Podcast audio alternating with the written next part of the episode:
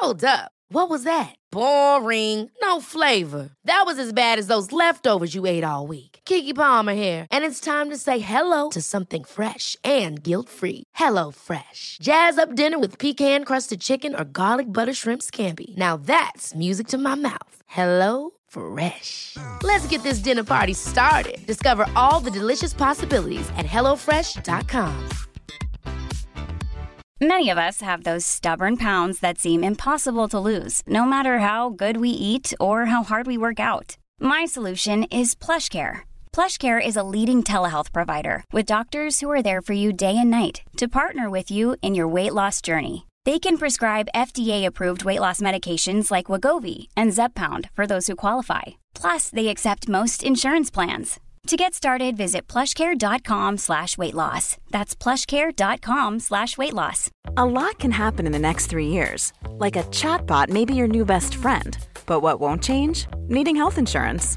United Healthcare Tri Term Medical Plans are available for these changing times. Underwritten by Golden Rule Insurance Company, they offer budget friendly, flexible coverage for people who are in between jobs or missed open enrollment. The plans last nearly three years in some states, with access to a nationwide network of doctors and hospitals. So, for whatever tomorrow brings, United Healthcare Tri Term Medical Plans may be for you. Learn more at uh1.com.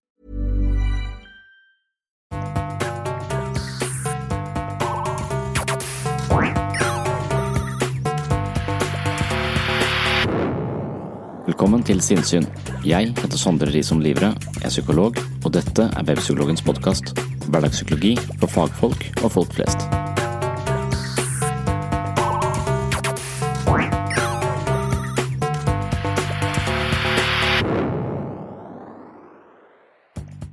Jeg har snakket med Tone Normann Eide om følelser. Hun har nemlig skrevet en bok om temaet som heter Følelser, kjennetegn, funksjon og vrangsider. I denne boken utforsker hun tolv av våre mest sentrale følelser ut ifra sentrale teorier, forskning og klinisk praksis der menneskets følelsesliv står i sentrum. Du lærer hvordan følelser, eller mangel på følelser, kan styre menneskers hverdag, deres relasjoner og sosiale liv. Tone går gjennom hvordan disse følelsene, kjærlighet, interesse, glede, redsel, sinne, tristhet, avsky, skam, skyld, sjalusi, misunnelse og forakt, utvikles og erfares, hvilke budskap de har og hvordan de kommer til uttrykk. I tillegg viser boken hvilke konsekvenser det kan få for vår fungering når den følelsesmessige utviklingen hemmes eller forstyrres.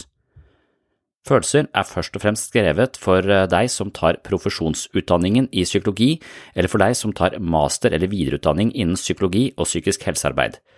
Boken vil også være nyttig som oppslagsverk for psykologer, psykoterapeuter og annet helsepersonell, samt fagpersoner som ønsker mer kunnskap og trygghet for å jobbe med menneskers følelsesliv. Boken passer også for deg som er nysgjerrig på følelsenes iboende natur og kraft til å forme våre liv. Personlig så syns jeg boken var veldig interessant, fordi jeg har en slags klokketro på at mer innsikt og forståelse for følelsene kan gi oss et slags større repertoar når vi skal utforske vårt eget indre liv. Derfor så synes jeg mer språk på følelsene våre er flere verktøy i verktøykassa mi når jeg skal prøve å forstå meg selv og mine egne reaksjoner. Tone Normann Eide hun er psykologspesialist og ansatt ved Oslo universitetssykehus. Hun har også en bistilling som universitetslektor ved Universitetet i Oslo, hvor hun underviser studenter som tar profesjonsutdanning i psykologi. Jeg kjente ikke Tone fra før, men hun viste seg å være en særdeles hyggelig, klok, interessert og engasjert dame. Det var en veldig spennende samtale, det var gøy å snakke med henne, og nå skal du få være med inn i samtalen. Velkommen til en emosjonell episode av Sinnssyn. Jeg heter Glede, dette er sorg, sinne, avsky og frykt. Vi er Rileys følelser. Dette er Rileys minner. Og de er for det meste lykkelige, kan du se. Hva skjedde? Sorg! Hun gjorde noe med det minnet. Er alt i orden, eller? Vet ikke jeg. Sett det tilbake, Glede! Kjerneminne! Kan jeg si det banneordet nå? Fra Disney og Pixar. Vi må komme oss tilbake til hovedkvarteret. Du kan gå deg vill der inne. Tenk at vi klarer det! Ok, jeg tenker at vi klarer å gå oss vill der. Du kan ikke fokusere på hva som er galt. Det fins alltid en måte å snu ting på. Du har skrevet en bok om følelser. Yay. Ja. Har den kommet ut akkurat nå? Nei da, den kom ut i fjor, eh, juni i fjor. Ja, ok. Mm. Ja. Men så var det jo midt oppi lanseringen og sånn, så kom jo koronaen med full kraft, så jeg fikk ikke liksom um, Ja, da ble det litt stopp eh, rundt, uh, rundt det, men, uh, men den kom ut og vært på markedet nå et års tid. ja. Du Mm. kunne bare innledningsvis si litt om deg selv og hvor, det, hvor du kommer fra, hva du jobber med. Ja, altså jeg er jo psykologspesialist. Eh, jobber til daglig på Nydalen DPS i Oslo. Mm. Eh, hvor jeg er eh, enhetsleder på en eh, gruppeenhet. Mm. Eh, som jeg jobber jo da Det er en kombinert kurs- og gruppeenhet, egentlig, men eh, hvor vi driver med mentaliseringsbasert gruppebehandling, personlighetsforstyrrelse primært. Um, ja, og så har jeg jo si, flere videreutdanninger, bl.a. i den affektbevissthetsmodellen som har vært et utgangspunkt for denne boka. da. Ja. Um, men eh, ja, så det er det jeg gjør sånn til vanlig, så forfatter er jeg på en måte på fritida. Ja, så da er du inspirert av Var det Jon Monsen og den skolen der? Ja, fra, jeg var jo, har jo utdanningen min fra Universitetet i Oslo, profesjonsutdanningen der, så da var det en inspirasjonskilde fra den gang allerede. Var ferdig der i 2002. Og så tok jeg en sånn fordypning eh, noen år etterpå som en del av spesialistutdanningen min, da. Mm. Så det, har vært liksom, det var liksom utgangspunktet, og så har det blitt litt sånn Greenberg og andre underveis. Men, eh, men det, er der, det er en av grunnene til at jeg har valgt å ta med alle de tolv følelsene jeg har i den boka, er at eh, jeg tenker at alle har sin rettmessige plass i en sånn oversikt. da. Så Mm. det er egentlig inspirert derfra og noen av de ja, Sylvan Tomkins og noen av disse emosjonsforskerne som uh, driver med sånne universelle følelseskategorier. Så syns jeg på en måte at det allerede den gang Så jeg har vært sånn forundret over at ikke noen har skrevet den boka, fordi jeg har tenkt at uh, vi eh, Jeg har i hvert fall kjent på et veldig sånn savn etter en sånn bok bare med en sånn oversikt over hvordan vi skal forstå disse ulike følelsene, hvordan vi skiller de fra hverandre. og jeg synes det har vært sånn underlig da, at den boka ikke har, har vært på markedet før. Så da, så da tenkte jeg at da måtte jo jeg ta tak og så skrive den boka, da. Som, eh, som jeg jo håpet at kunne komme til nytte. Ja, for som psykolog selv så sier jeg ofte at, eh, at man må kjenne på følelsene sine, og så vet jeg ikke egentlig hva det betyr. Nei. Eh, så jeg er jammen ikke helt sikker på det, på det selv, altså. Hvis du Nei. gir meg den oppfordringen, så, så kan jeg sikkert Ja. si noe, fordi jeg babler så fælt, men jeg er litt usikker på om jeg helt kjenner eh, I hvert fall klarer å differensiere de, da. Og når du skal videreundervise og si ja, men da kan du bare gå og lese den boka, så har du ikke den heller. Nei, nei, nettopp. Ja. Men, eh, men jeg, har noen, eh, jeg har noen sånne ja, Jeg husker jeg har skaffet noen sånne oversikter over Her er grunnfølelsene. Her står det eh, 20 synonymer på hver følelse. Så du bla også, og Folk har hatt veldig utbytte av det. da. Jeg er litt usikker på hvem som har laget den lista, men det er en eller annen sånn eh, Jon Monsen-elev, tror jeg, som på et eller annet tidspunkt uh, satte seg ned og skrev opp jeg lurer på den lista på 16 følelser, jeg. men der står det også bare eh, følelsene, funksjon, og så sånn kort eh, fem linjer om eh, ulike synonymer og hvordan Men det er jo litt, litt snevert. da. Du har klart å utbrodere det litt, eh, litt mer. Ja, det vil jeg påstå. Mm. 550 sider med bare følelser, så da For det, er interessant, Jeg har akkurat hatt en, eh, en pasient som har vært i, eh, vært i Moss, på den der ketaminklinikken. Har du hørt om det? Nei. Nei, for det, det er jo en sånn psykedelisk form for behandling for eh, deprimerte. Ja. Og, og det han sier da, når han har vært der nå i seks-syv behandlinger, så, som egentlig bare er å få en slags sånn halvveis psykedelisk opplevelse, at Ja. han, han har nok vært en sånn um, vokst opp med rusmisbrukende foreldre og, og hatt eh, ganske marginal med omsorg, og ganske sånn stor og tøff, men, men at han føler han har, Enten så er det bra eller så er det dårlig. Han har veldig lite nyanser eh, i det følelseslivet. Mens når, jeg, når han sitter nå i gruppeterapi, så er det som om han, han, han gråter en del, som om han føler sånn varme for alle de andre. Altså han, han sier at det fra, fra å føle det bra til dårlig, så er det noe enormt spekter eh, og, Mm. og nyanser som plutselig har bare Mm. veltet innover han. Som det er som om denne behandlingen han har fått der, kanskje i tillegg til gruppeterapi, da, er med på å åpne disse eh, følelsene litt mer. Men nå, Mm. når han ikke har kjent på de på 35 år, så, så, blir det jo litt voldsomt at nå kommer det ganske mange på en gang, og ganske mange nyanser i det. Mm. Så mm. trenger han kanskje denne boka, han trenger et språk. ja, det er akkurat det. Mm. Og du jobber kanskje litt med emosjonelt ustabile også? Ja. ja. Og noen av de også sier jo at det er, liksom, det er, det er mellom 0 og 100, men mellom, altså, det er liksom enten eller, men mellom der er det et eller annet grums som ikke de liksom har helt uh, oversikt over, de nyansene som ikke bare er i sort-hvitt, men, mm. men, det å liksom uh, ja, få klare å differensiere og kjenne etter liksom innover på hvilke signaler man skal lytte til for å kjenne igjen de ulike følelsene, det er liksom ja, det er litt upløyd mark for, eh, for, mange, både pasientgrupper og jeg tenker for folk flest òg, egentlig. For mange av oss. At det er, vi har ikke lært, vi har ikke språket, vi har ikke liksom lært ordentlig hvordan vi, vi, gjør det der, da. Og enda verre selvfølgelig med de med, som har hatt en traurig bakgrunn, så, um, så, er det noen mm. mangler der. Mm. Når de følelsene um, Så lenge vi mangler språk, så har jeg ja. vel ofte tenkt at følelser som mangler språk, de kommer til uttrykk på en eller annen måte, kanskje kroppslig. Mm. Tror du at de følelsene, at de ulike følelsene som du kategoriserer, kommer til uttrykk på forskjellige måter i kroppen, eller forskjellige steder i kroppen? Har du tenkt på det, mm. eller? Ja. Ja, det har jeg. Eh, og svaret er ja. Ja, men altså det er um, det er jo noen, liksom, noen typer følelser ligner jo veldig i sin kroppslige aktivering. og Der er det jo liksom fortolkninger også som kommer inn i bildet. da, I forhold til situasjonelle triggere og kus og sånn. Var det som, på en måte, hvordan skal jeg tolke de signalene jeg kjenner i kroppen og i forhold til den situasjonen jeg er i? Men, eh, men, de har jo også gjort litt forskning på det i forhold til at man kan faktisk liksom måle da, at det er liksom ulike steder som fyrer, litt avhengig av hvilken følelse som er aktivert. ikke sant? Det er liksom temperaturforskjeller med f.eks. sinne, som åpenbart har en type varme, men skammen er litt mer kald.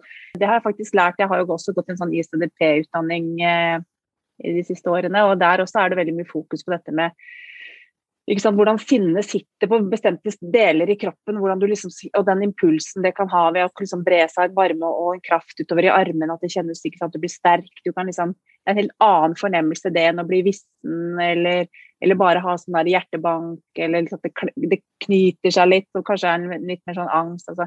Så jeg tror man kan, man kan lære å kjenne igjen liksom, og, og differensiere litt på er dette en angst, er, dette, er jeg redd nå, er jeg sint, litt avhengig av hvordan du liksom Du må ha noen sånne parametere å gå etter, da.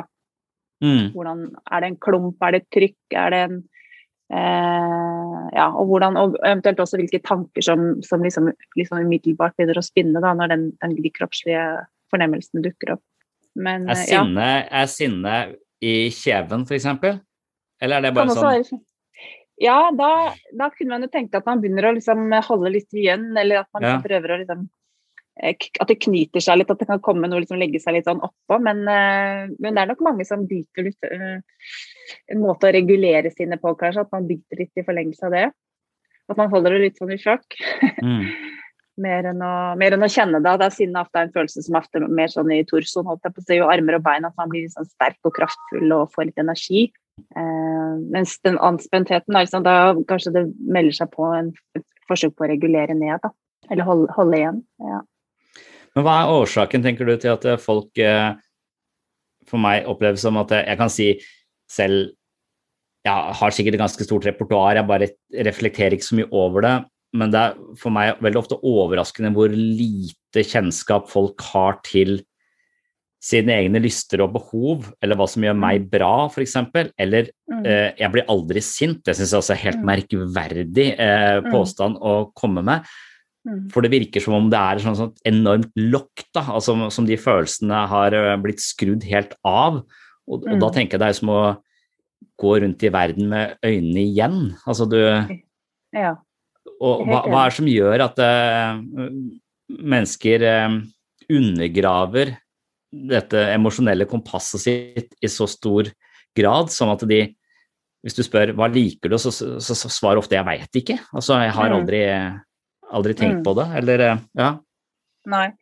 Nei, det er veldig fascinerende. Det er jo et, kjempestort uh, eller komplisert og langt svar på det. Men, men jeg har jo veldig um, Og det bruker jeg litt som et utgangspunkt i boka mi, og dette med tilknytningsteori. Og den utrygge tilknytningen da, som, som, skjer for mange av våre pasienter litt sånn tidlig i livet med, med, mangel på validering, mangel på bekreftelse av de følelsesmessige uttrykkene. Og signalene. ikke sant, At du, du får ikke denne speilinga på nå virker du sint eller nå virker du lei deg, og at det blir tolerert og tatt imot. Uh, og Hvis det er liksom erfaringen, eller at det ikke har vært rom for hvis det er mer sånn neglekt, det har ikke vært rom for, for følelser, det er ikke, det er, du må håndtere det på egen hånd, så blir det kaotisk, og så får du ikke på en måte verken utvikla det språket eller den speilingen i forhold til det, og vi får bekreftelse på at dette er meg, og at jeg har en legitim grunn til å føle det jeg føler i disse situasjonene. da.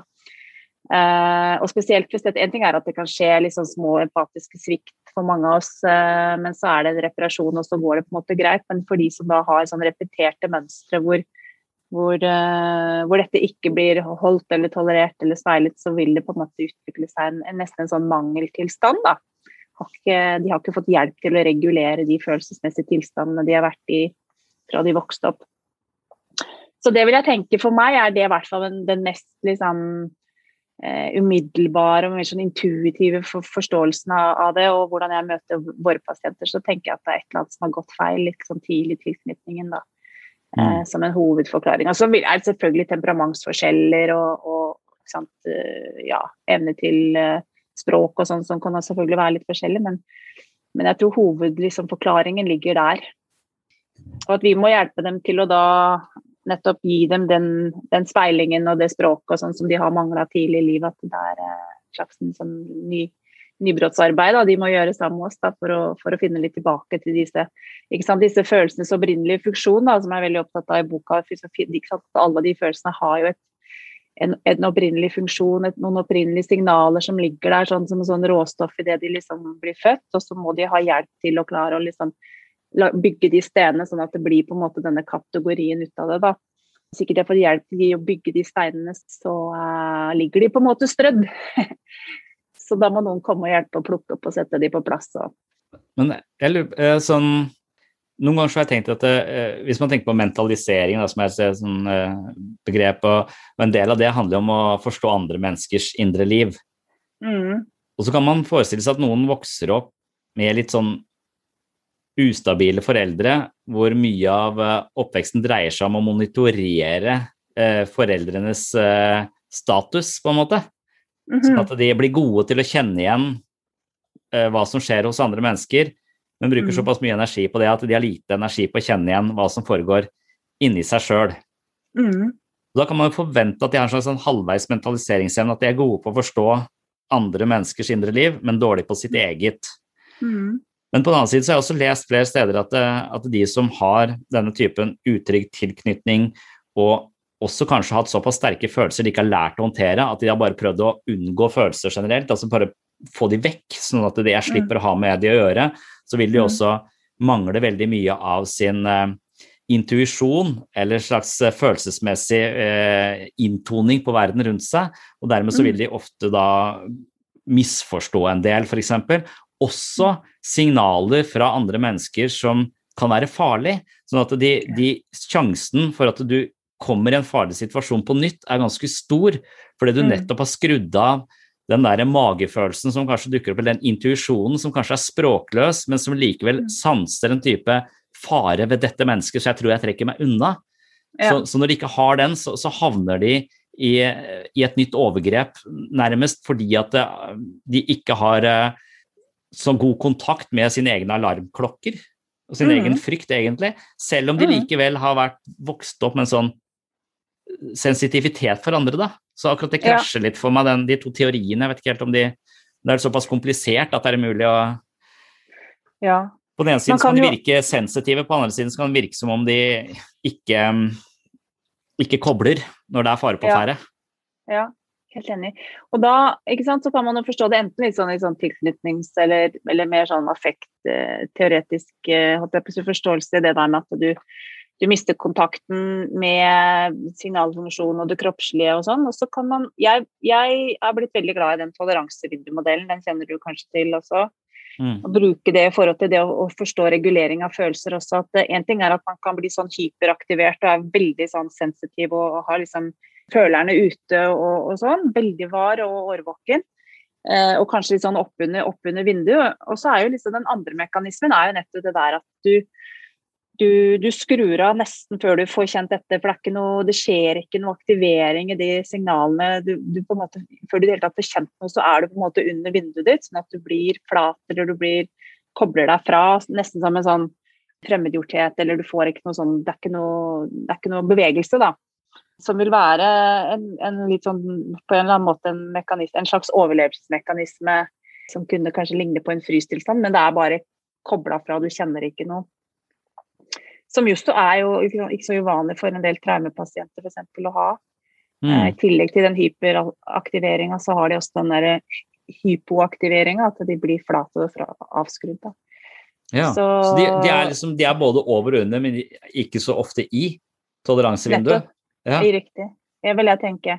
Ja, for på den ene siden kan man av og til merke at de er veldig sånn De, de kan nesten ha en slags paranoid beredskap, en slags sånn uh, sensitivitet for avvisning, og de leser deg, og du kjenner en slags det er nesten litt sånn anspent å være i denne relasjonen, for du virker sånn overvåket, nærmest. Som om de er på mm. hele tiden og leser enhver liten bevegelse. Mm. Og på den andre siden så ser du at de havner i disse forferdelige situasjonene gang på gang på gang på gang når de er så overvåkne. Men det kan mm. forklares ut fra dette toleransevinduet, at de enten da er eh, skrudd av og ikke oppdager det som skjer, eller at de er sånn hypervaktsomme og legger merke til ting som nesten ikke er der, eller skaper en slags uro i relasjonen der også. Mm. Ja. Noen, noen, noen, pasienter kan jo veksle mellom de tilstandene, mens andre er jo litt mer enten-eller. Mm. Men fellesnevneren er jo nettopp det at ikke de klarer å være i, i vinduet der, da, hvor, de er liksom, hvor de både ikke sant, I forhold til mentalisering tenker jeg også meningsfullt å snakke om i forbindelse med at du er innafor det vinduet, for da klarer du på en måte å tenke og føle samtidig. Da, da klarer du å, å, være oppmerksom på de signalene du har, og kjenne at mm, nå, er jeg, nå, er jeg, litt i, på vakt her. Mm. Eh, hva er det som skjer rundt meg nå? Da klarer jeg på en måte å tenke og forstå denne situasjonen. Har jeg grunn til å være redd nå? Er det noe her jeg burde liksom være litt obs på? Eller, eller, overreagerer jeg nå? Liksom? Er, det, er, det, jeg som Og er dette denne gamle følelsen ja, som kommer igjen, som, som lurer meg litt her nå? Da er du jo virkelig godt innafor.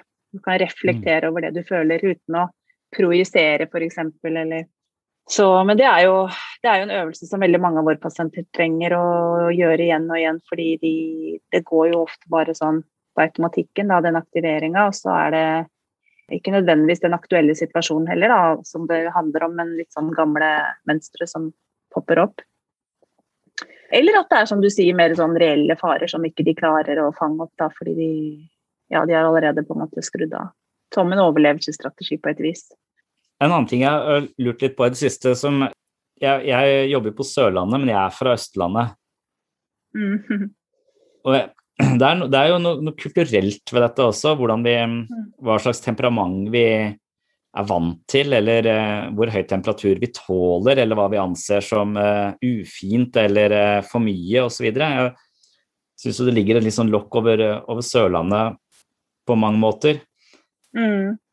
Så det, vi har en slags sånn kulturell Og så lurer jeg på hvor mye av min eh, altså, Hvis man ser for seg at vi, vi har to jernhalvdeler også, og jeg ja. vet ikke om, om, det er litt sånn um, utenfor eller, eh, eller litt sånn poppsykologisk å snakke om, da.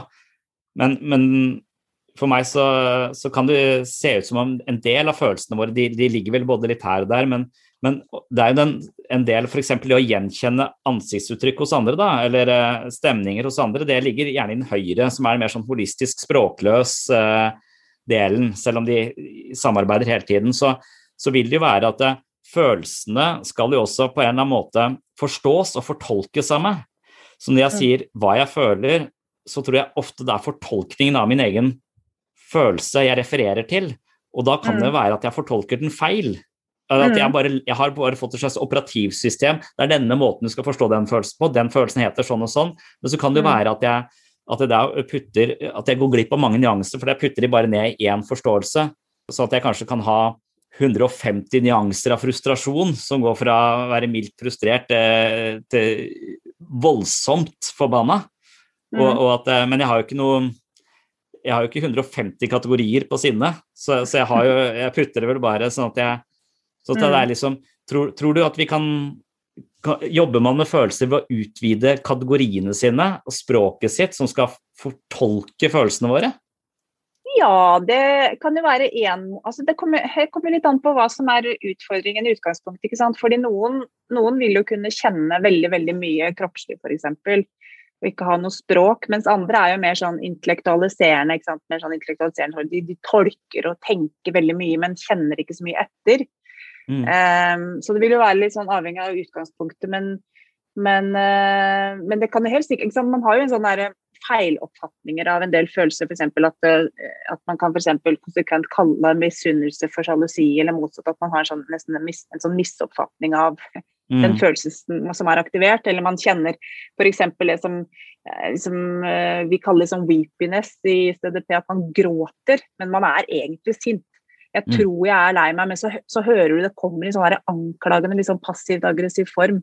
Mm. det er ikke egentlig tristheten, men det er et sinne du ikke vedstår deg eller kjenner på, som egentlig er på en måte den bakenforliggende følelsen. da. Ja, Så um, den typen eh, tristhet eller eh, gråt, da får man ikke noe særlig medfølelse, kanskje? Man blir mer sånn ja. Mottaket blir nesten mer irritert, de kjenner ikke noe særlig empati. og Det kan man bli sånn forvirra over. ikke sant? Fordi Hvorfor er det mm. ingen som ser meg? Ja, ja, mm. Hvis man får litt den, så blir man litt sånn der ah, Orker ikke helt. Men sånn at du, når du merker at den tristheten er til stede, så kjenner jo mottaker ofte en mye større grad av liksom medfølelse og får lyst til å liksom, eh, gi støtte og trøst og sånn. Så det, det, er en kvalitet som Men en del pasienter klarer jo ikke skille. De tror at de appellerer til et eller annet, eller, men så er det egentlig så kommer det form i en sånn der krevende, anklagende form. og da ja, så det kan mm. være Og da kan man jo liksom lure på for hvis man, hvis man bare skulle ta de signalene på face value, da, at det er tårer som kommer, så tenker man da må man være trist. Men så enkelt er det jo ikke nødvendigvis, da.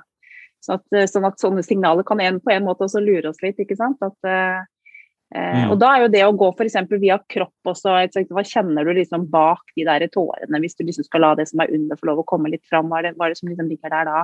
Mm. Eh, at de får mer kontakt med en sånn type følelse og kjenner den kroppslig mer enn å bare lytte til det som skjer her oppe i øya. Liksom. Mm. Nå er det viktig Så, at terapeuten er ganske sånn emosjonelt intelligent selv, da. For jeg vil ja. si at det, jeg, jeg syns det er veldig interessant hver gang jeg møter mennesker som gråter, og jeg får en sånn gråt i halsen selv, jeg blir enormt berørt da, uh, mm. av de, kontra mm. tenker Er du snart ferdig med å gråte? Ja. Altså at, Nei.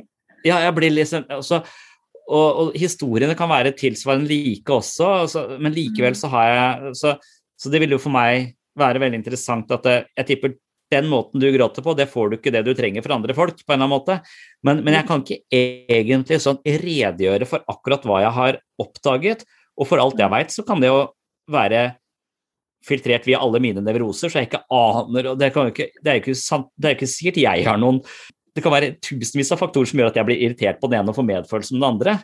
Kanskje den ene ja. ligner på eh, broren min, og den andre ligner på han som mobba meg på skolen. Derfor så ja. har jeg helt forskjellig empatisk respons på disse to. Så, så det å utlede sånne dynamikker underveis, det, det, mm. der blir man jo litt sånn uh, Man skal jo ha en ganske solid fornemmelse og magefølelse, og så bør man vel uh, tvile på den hele tiden, sånn at man ikke buser ut med noe som uh, som er en eller annen uh, nevrotisk feiltolkning fra ens eget uh, psykiske ja. bagasje. Ja. Helt, helt, enig. Jeg tror uh, Man kommer godt på vei med å liksom lese denne boka mi veldig veldig nøye da, som behandler. Fra, hvis ja. du liksom, Hver enkelt følelse veldig veldig nøye, så kjenner du etter. Så.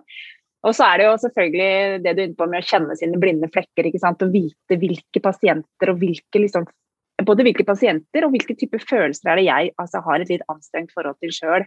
Mm. Sånn at jeg kan håndtere det litt på innsida når jeg møter en type pasienter. Men også kunne stole på gjennom sin kliniske erfaring at eh, det er noen type pasienter som eh, Eller med det samme liksom, eh, fremtoningen vekker noe av det samme i meg. da, Og stole liksom litt på at når jeg kjenner den der eh, empatien og det liksom veller litt opp i meg, så er det en genuin opplevelse av å møte, speile den følelsen som er til stede i rommet der. Mm. Eh, versus når jeg kjenner at jeg blir irritert når noen sitter og gråter, at da er det forhåpentligvis, eller antageligvis noe med det, det den pasienten vekker, en slags overføring den pasienten Eller at vi besitter en motoverføring der. Da, at vi må stole liksom litt på det. Hvis man er sånn tålelig skrudd sammen, da. Og hvis ikke, så må man jo gå noen runder og kanskje få litt veiledning og sånn hvis man er i tvil. Men, eh, men ja. Mm. Så det er, det er litt både og. Man må både, som du sier, ha litt den intelligensen eller forståelsen av disse, disse, hvordan disse følelsene både opererer og hvordan de kjennes ut sånn for dens egen del, og liksom hva man kan leite etter og spørre etter hos pasienten. da. Så når du Mm. har den der pasienten som sitter og gråter og sutrer litt, og du kjenner at du egentlig blir litt sånn irritert, så må ut, kanskje man må utforske det litt sammen med pasienten. Hva, hvordan pleier du vanligvis å bli møtt når du liksom, i, denne, i denne formen, eller ja, for å hjelpe dem litt og kanskje finne en annen måte å kommunisere det på, da. Noen ganger så Mm. føler jeg at de outsourcer sinnet til meg. Ja. Sånn, sånn at uh, du er veldig lei deg nå, og det du egentlig ønsker fra Men egentlig så er du dritforbanna på de som uh, svikta deg, men det kommer til uttrykk Mm. nå i disse tårene. Men du vil egentlig at jeg skal bli forbanna på de på dine vegne, så du slipper den Mm. følelsen du ikke egentlig tåler. Mm. Mm. Plasserer det over i deg, ja. Ja, og at jeg, at jeg blir en sånn slags eh, eh, At jeg kanaliserer eh, dette sinnet for dem. Og jeg Mm. har såpass lett, sinne lett tilgjengelig, da. Så det er ofte at jeg Mm. går eh, At det, det gjør jeg uten å tenke på det, nesten. Sånn at mm. da kan jeg bli, eh, bli frustrert. Og, og, da, og da har jeg fått uttrykt eh, en følelse og føler meg litt lettere. Men jeg er litt usikker på om jeg har hjulpet noen da. Om, om det hjelper å, å være uttrykket for deres. Akkurat som kanskje noen hører på aggressiv musikk for å få uttrykt et eller annet via noe Mm. annet. Eller om Mm. jeg bare, bare blir en slags krykke hvor det ikke kommer noe videre selv, men jeg har fått en utblåsning og kan gå hjem. Eh, jeg vet ikke hvilke, Men- hvordan det egentlig fungerer. Om det, om det har Nei. noen hensikt når jeg merker at jeg blir så forbanna på noens vegne. ja, men gjør, eh, Gir du det tilbake til dem da, eller er det mer at du blir gående og bære på det? Eller sier du noe om det i rommet, liksom, eller til den, den som har plassert hos deg? Jeg tror ikke akkurat jeg bærer på så mye, jeg tror bare jeg blåser ut. Sånn type gruppeterapi, da. At jeg, at, jeg, at jeg forteller akkurat jeg, hva jeg føler for den personen som nå har tråkka på deg hele livet, liksom. Ja. At jeg, at jeg en sånn halvveis blir litt sånn eh, Nei, fy faen, det der er Sånne folk At jeg kan bare si et eller annet sånt eh, automatisk blir sånn Uttrykke frustrasjon på, på at eh, folk kan ha behandlet vedkommende sånn, da. ja. Og, og som er sant, da, for at de har blitt behandla dårlig. Men, Ja, ja, men, men det sinnet finner de ikke selv. De finner ikke sinnet Nei. fram, og da, da tenker jeg ja, men da må jeg ta hele dette sinnet. da, skal jeg vise deg sånn ser det ut. Og så er det Mhm. som om jeg viser Ja. Så hvis, hvis de da ville benekte det, hvis du hadde spurt dem da, når du, sant, når du kjenner du får plassert det sinnet, da du kjenner at du sitter og koker på innsida, ja. og du da spør, spør pasienten men hva kjenner du nå når du snakker om dette, hva merker du skjer med deg i kroppen din når du snakker om dette her nå, hva, du, hva kjenner du liksom? Og hvis de Mm. da sier nei, jeg kjenner ingenting, jeg, liksom. eh, Ja. og hvis du liksom gjentatte ganger får en sånn type respons, eh, eller at de begynner med litt sånn, så, så, og man da kan si noe sånt som at ja, for jeg kjente jeg blir så provosert på dine vegne. Mm. Jeg kjenner at jeg kan få en sånn følelse av en opplevelse av noe urettferdighet. Sånn. Kan du kjenne igjen det? Altså gi det liksom litt tilbake. Da Ja. tenker jeg det kan være ganske sånn nyttig. For da kan du få en sånn legitimering av at å ja, så det er rimelig å reagere med sinne i i denne situasjonen. Eller Ja. det er rimelig å tenke at den måten å bli behandla på ikke er ålreit. Mm. Eh, eller å legge det ut i gruppa og tenke hva tenker dere andre da med å bli behandla sånn? Tenker dere det er greit? Syns dere det er ålreit? Liksom? Eller, Ja. eh, Så man kan fungere som en slags rollemodell på hvordan man, eh, en typisk person ville reagert i den situasjonen som beskrives. Men hvis de da Ja. overhodet ikke kjenner det igjen, hvis at det sinnet er en så skummel følelse at de oppfører seg totalt selvutslettende på alle områder i livet fordi at det, det er også en sånn ting jeg har tenkt på, at det er en del følelser som kanskje boken din hjelper litt til, da, at en del følelser har litt sånn ufortjent dårlig rykte også. mm, At, at vi har kategorisert de som bra eller dårlige, som positive eller negative. Og mm, veldig mm. mange av følelsene våre er jo negative, sånn sett, hvis vi skal kategorisere de. Men de er jo signaler vi bør lytte til, ikke sant? Det er akkurat det. De kan oppleves ubehagelig, det kan være smertefullt å ha, men, Mm. eh, men viktig å lytte til allikevel. Ja. Altså det, at den, derre- den der frykten for smerte, å kjenne på noe smertefullt, eller at det også ligger i en liksom der, kultur eller vi har med oss også, i hvert fall i vår tid, at det skal være, vi skal være så lykkelige og ha det så bra hele tiden. og sånn. At vi Mm. blir sånn redd for det der at Eller tenker liksom at hallo, det er jo hele spekteret um, som man må, må lytte til. Og nettopp gjennom det at man da kan oppleve da en lettelse i, i andre enden, da.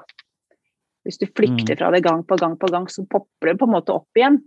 Mm. Men liksom, det er jo nesten som liksom angst, med følelseseksponering og angsteksponering har jo litt det samme prinsippet. At du, du må på en måte møte det og stå litt i noe av det som er jævlig. Du må, Mm. du må sørge, du må, liksom, du må kjenne liksom den hulkegråten over det du ikke fikk, på en måte. Og det er Mm. jævlig vondt, men, eh, men eh, i den andre enden så kanskje det ligger noe forsoning og en lettelse. Ikke en lettelse, men at du liksom kommer deg et steg videre, da. Mm. Istedenfor å flykte fra det hele tida. Er det ikke viktig at Ja. du har liksom prefrontal cortex eh, påskrudd i den situasjonen hvor du for, for, for hvis du fanges av følelsen, så kan den kanskje At følelser er såpass overveldende og såpass eh, vonde og vanskelig at jeg vil helst prøve å unngå de, så jeg går tilbake til å være en robot som Mm. eh, har fungert bedre Mm. for meg.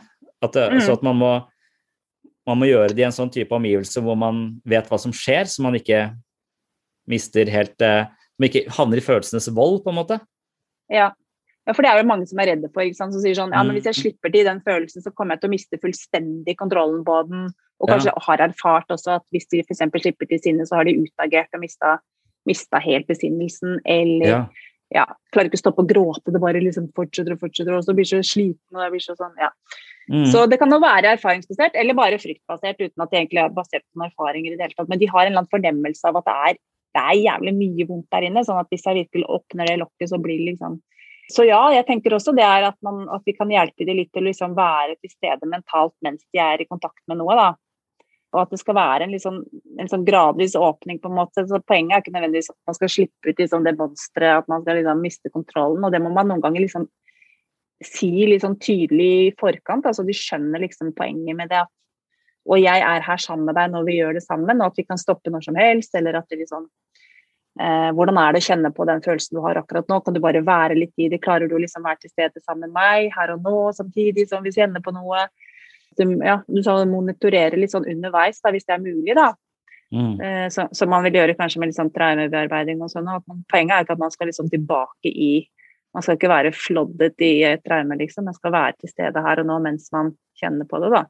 Sånne Mm. aggresjonshemmede mennesker som er veldig vanlig eh, der vi jobber, sannsynligvis på et DPS Jeg ser på sånne utredninger, så, så har de fleste De har for mye energi bundet opp i frykt- og panikksystemer, sånn at de, de mer selvhevdende systemene er ofte enten skrudd helt av, eller eh, altså, de har en selvutslettende måte å være på, livredd for å bare si nei til noe de ikke vil, nesten. Så de sier ja Mm. når de mener, når de mener nei. Så, så Mm. sinne eller selvhevdelse er en ekstremt farlig, farlig følelse, og helt sånn totalt uakseptabel.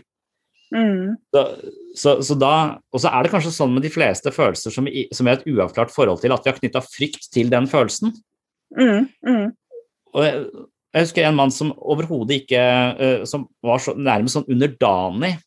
Og han var så takkende og, og skulle aldri Det er litt sånn som jeg har det når jeg er i jeg har vært i Thailand noen ganger. Det synes jeg er ubehagelig, for folk er så innmari høflige. De driver som bukker og Mm. bukker og bukker så mye at det, jeg føler meg som en dust. Jeg føler meg som sånn der, jeg, jeg får et ubehag av å føle meg som den rike, sleske idioten som går rundt her og utnytter andre. Men sånn, de, de har en måte å være på som jeg blir, som blir satt opp på et pidestall og jeg ikke føler meg komfortabel i det hele tatt.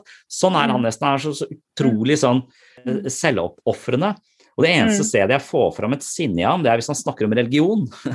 Ja. Eh, For han blir så fly forbanna når han, eh, når han tenker på hvordan folk lurer andre da, med sånne Mm. religiøse triks og osv. Som, så- som han har vært utsatt for selv. Da. Så, så, Mm. så da, da plutselig så vekkes jo dette, men, men det blir så vikarierende igjen. Sånn som i en gruppeterapi så kan han ikke er- ja, liksom, Du kan prøve kjempelenge kan du kjenne, Er det noe som bare irriterer deg litt? Er det noe ved det andre? Er det et eller annet Men liksom det ikke er noe øh, Hvordan hva gjør du med mennesker som, som sliter med selvhevdelse? Sånn, øh, eksponerer du de, eller hvordan, hvordan får du eh, tent denne gnisten så de ikke blir kjørt over i hver eneste sving? Ja. Nei, altså jeg tenker sånn i utgangspunktet så må du jo eie, eie det, den motivasjonen da, om å ikke ville bli overkjørt lenger. Ja. Hvis, sant? For hvis de tenker at det er ikke så farlig med meg, jeg kan godt bli overkjørt, så på en måte, da, nytter, da kan vi bare jobbe og jobbe og jobbe, og så kommer du på en måte ingen vei. Så de må liksom eie det, de må forstå konsekvensen av hva, det, liksom, hva er det du risikerer, eller hva er det du på en måte går glipp av, eller hva er liksom konsekvensen av at du holder på på denne måten. Da? Og er du fornøyd med det? Ønsker du å ha det sånn? Det må man kanskje bruke litt tid på for at de skal på en måte ha et sånn eierforhold til at det jeg gjør, og det jeg bringer inn i disse situasjonene, gjør at jeg får det sånn og sånn. Jeg blir deprimert av det, eller jeg blir, jeg blir utnytta, eller jeg blir ja, får ikke for aldri hevda min rett, liksom. Og så hvis du har kommet liksom videre i forhold til det, så vil det jo være å, litt sånn som høres som du gjør, da, at du må se om du kan liksom finne situasjoner eller et eller annet som gjør at de kan liksom få den der lille triggeren og se om de kan tåle å bare være i den følelsen uten nødvendigvis måtte agere så mye på den, men bare romme bare være og tåle at de har en sånn følelse i det hele tatt. Skjønne verdien av det, skjønne at de har det, at det er legitimt. Eh, Mm. For det er kanskje en helt ny erfaring for dem at de har rett til å føle det de føler. Til å få måte si nei, ikke sant. At det er helt sånn Hvorfor skal de det?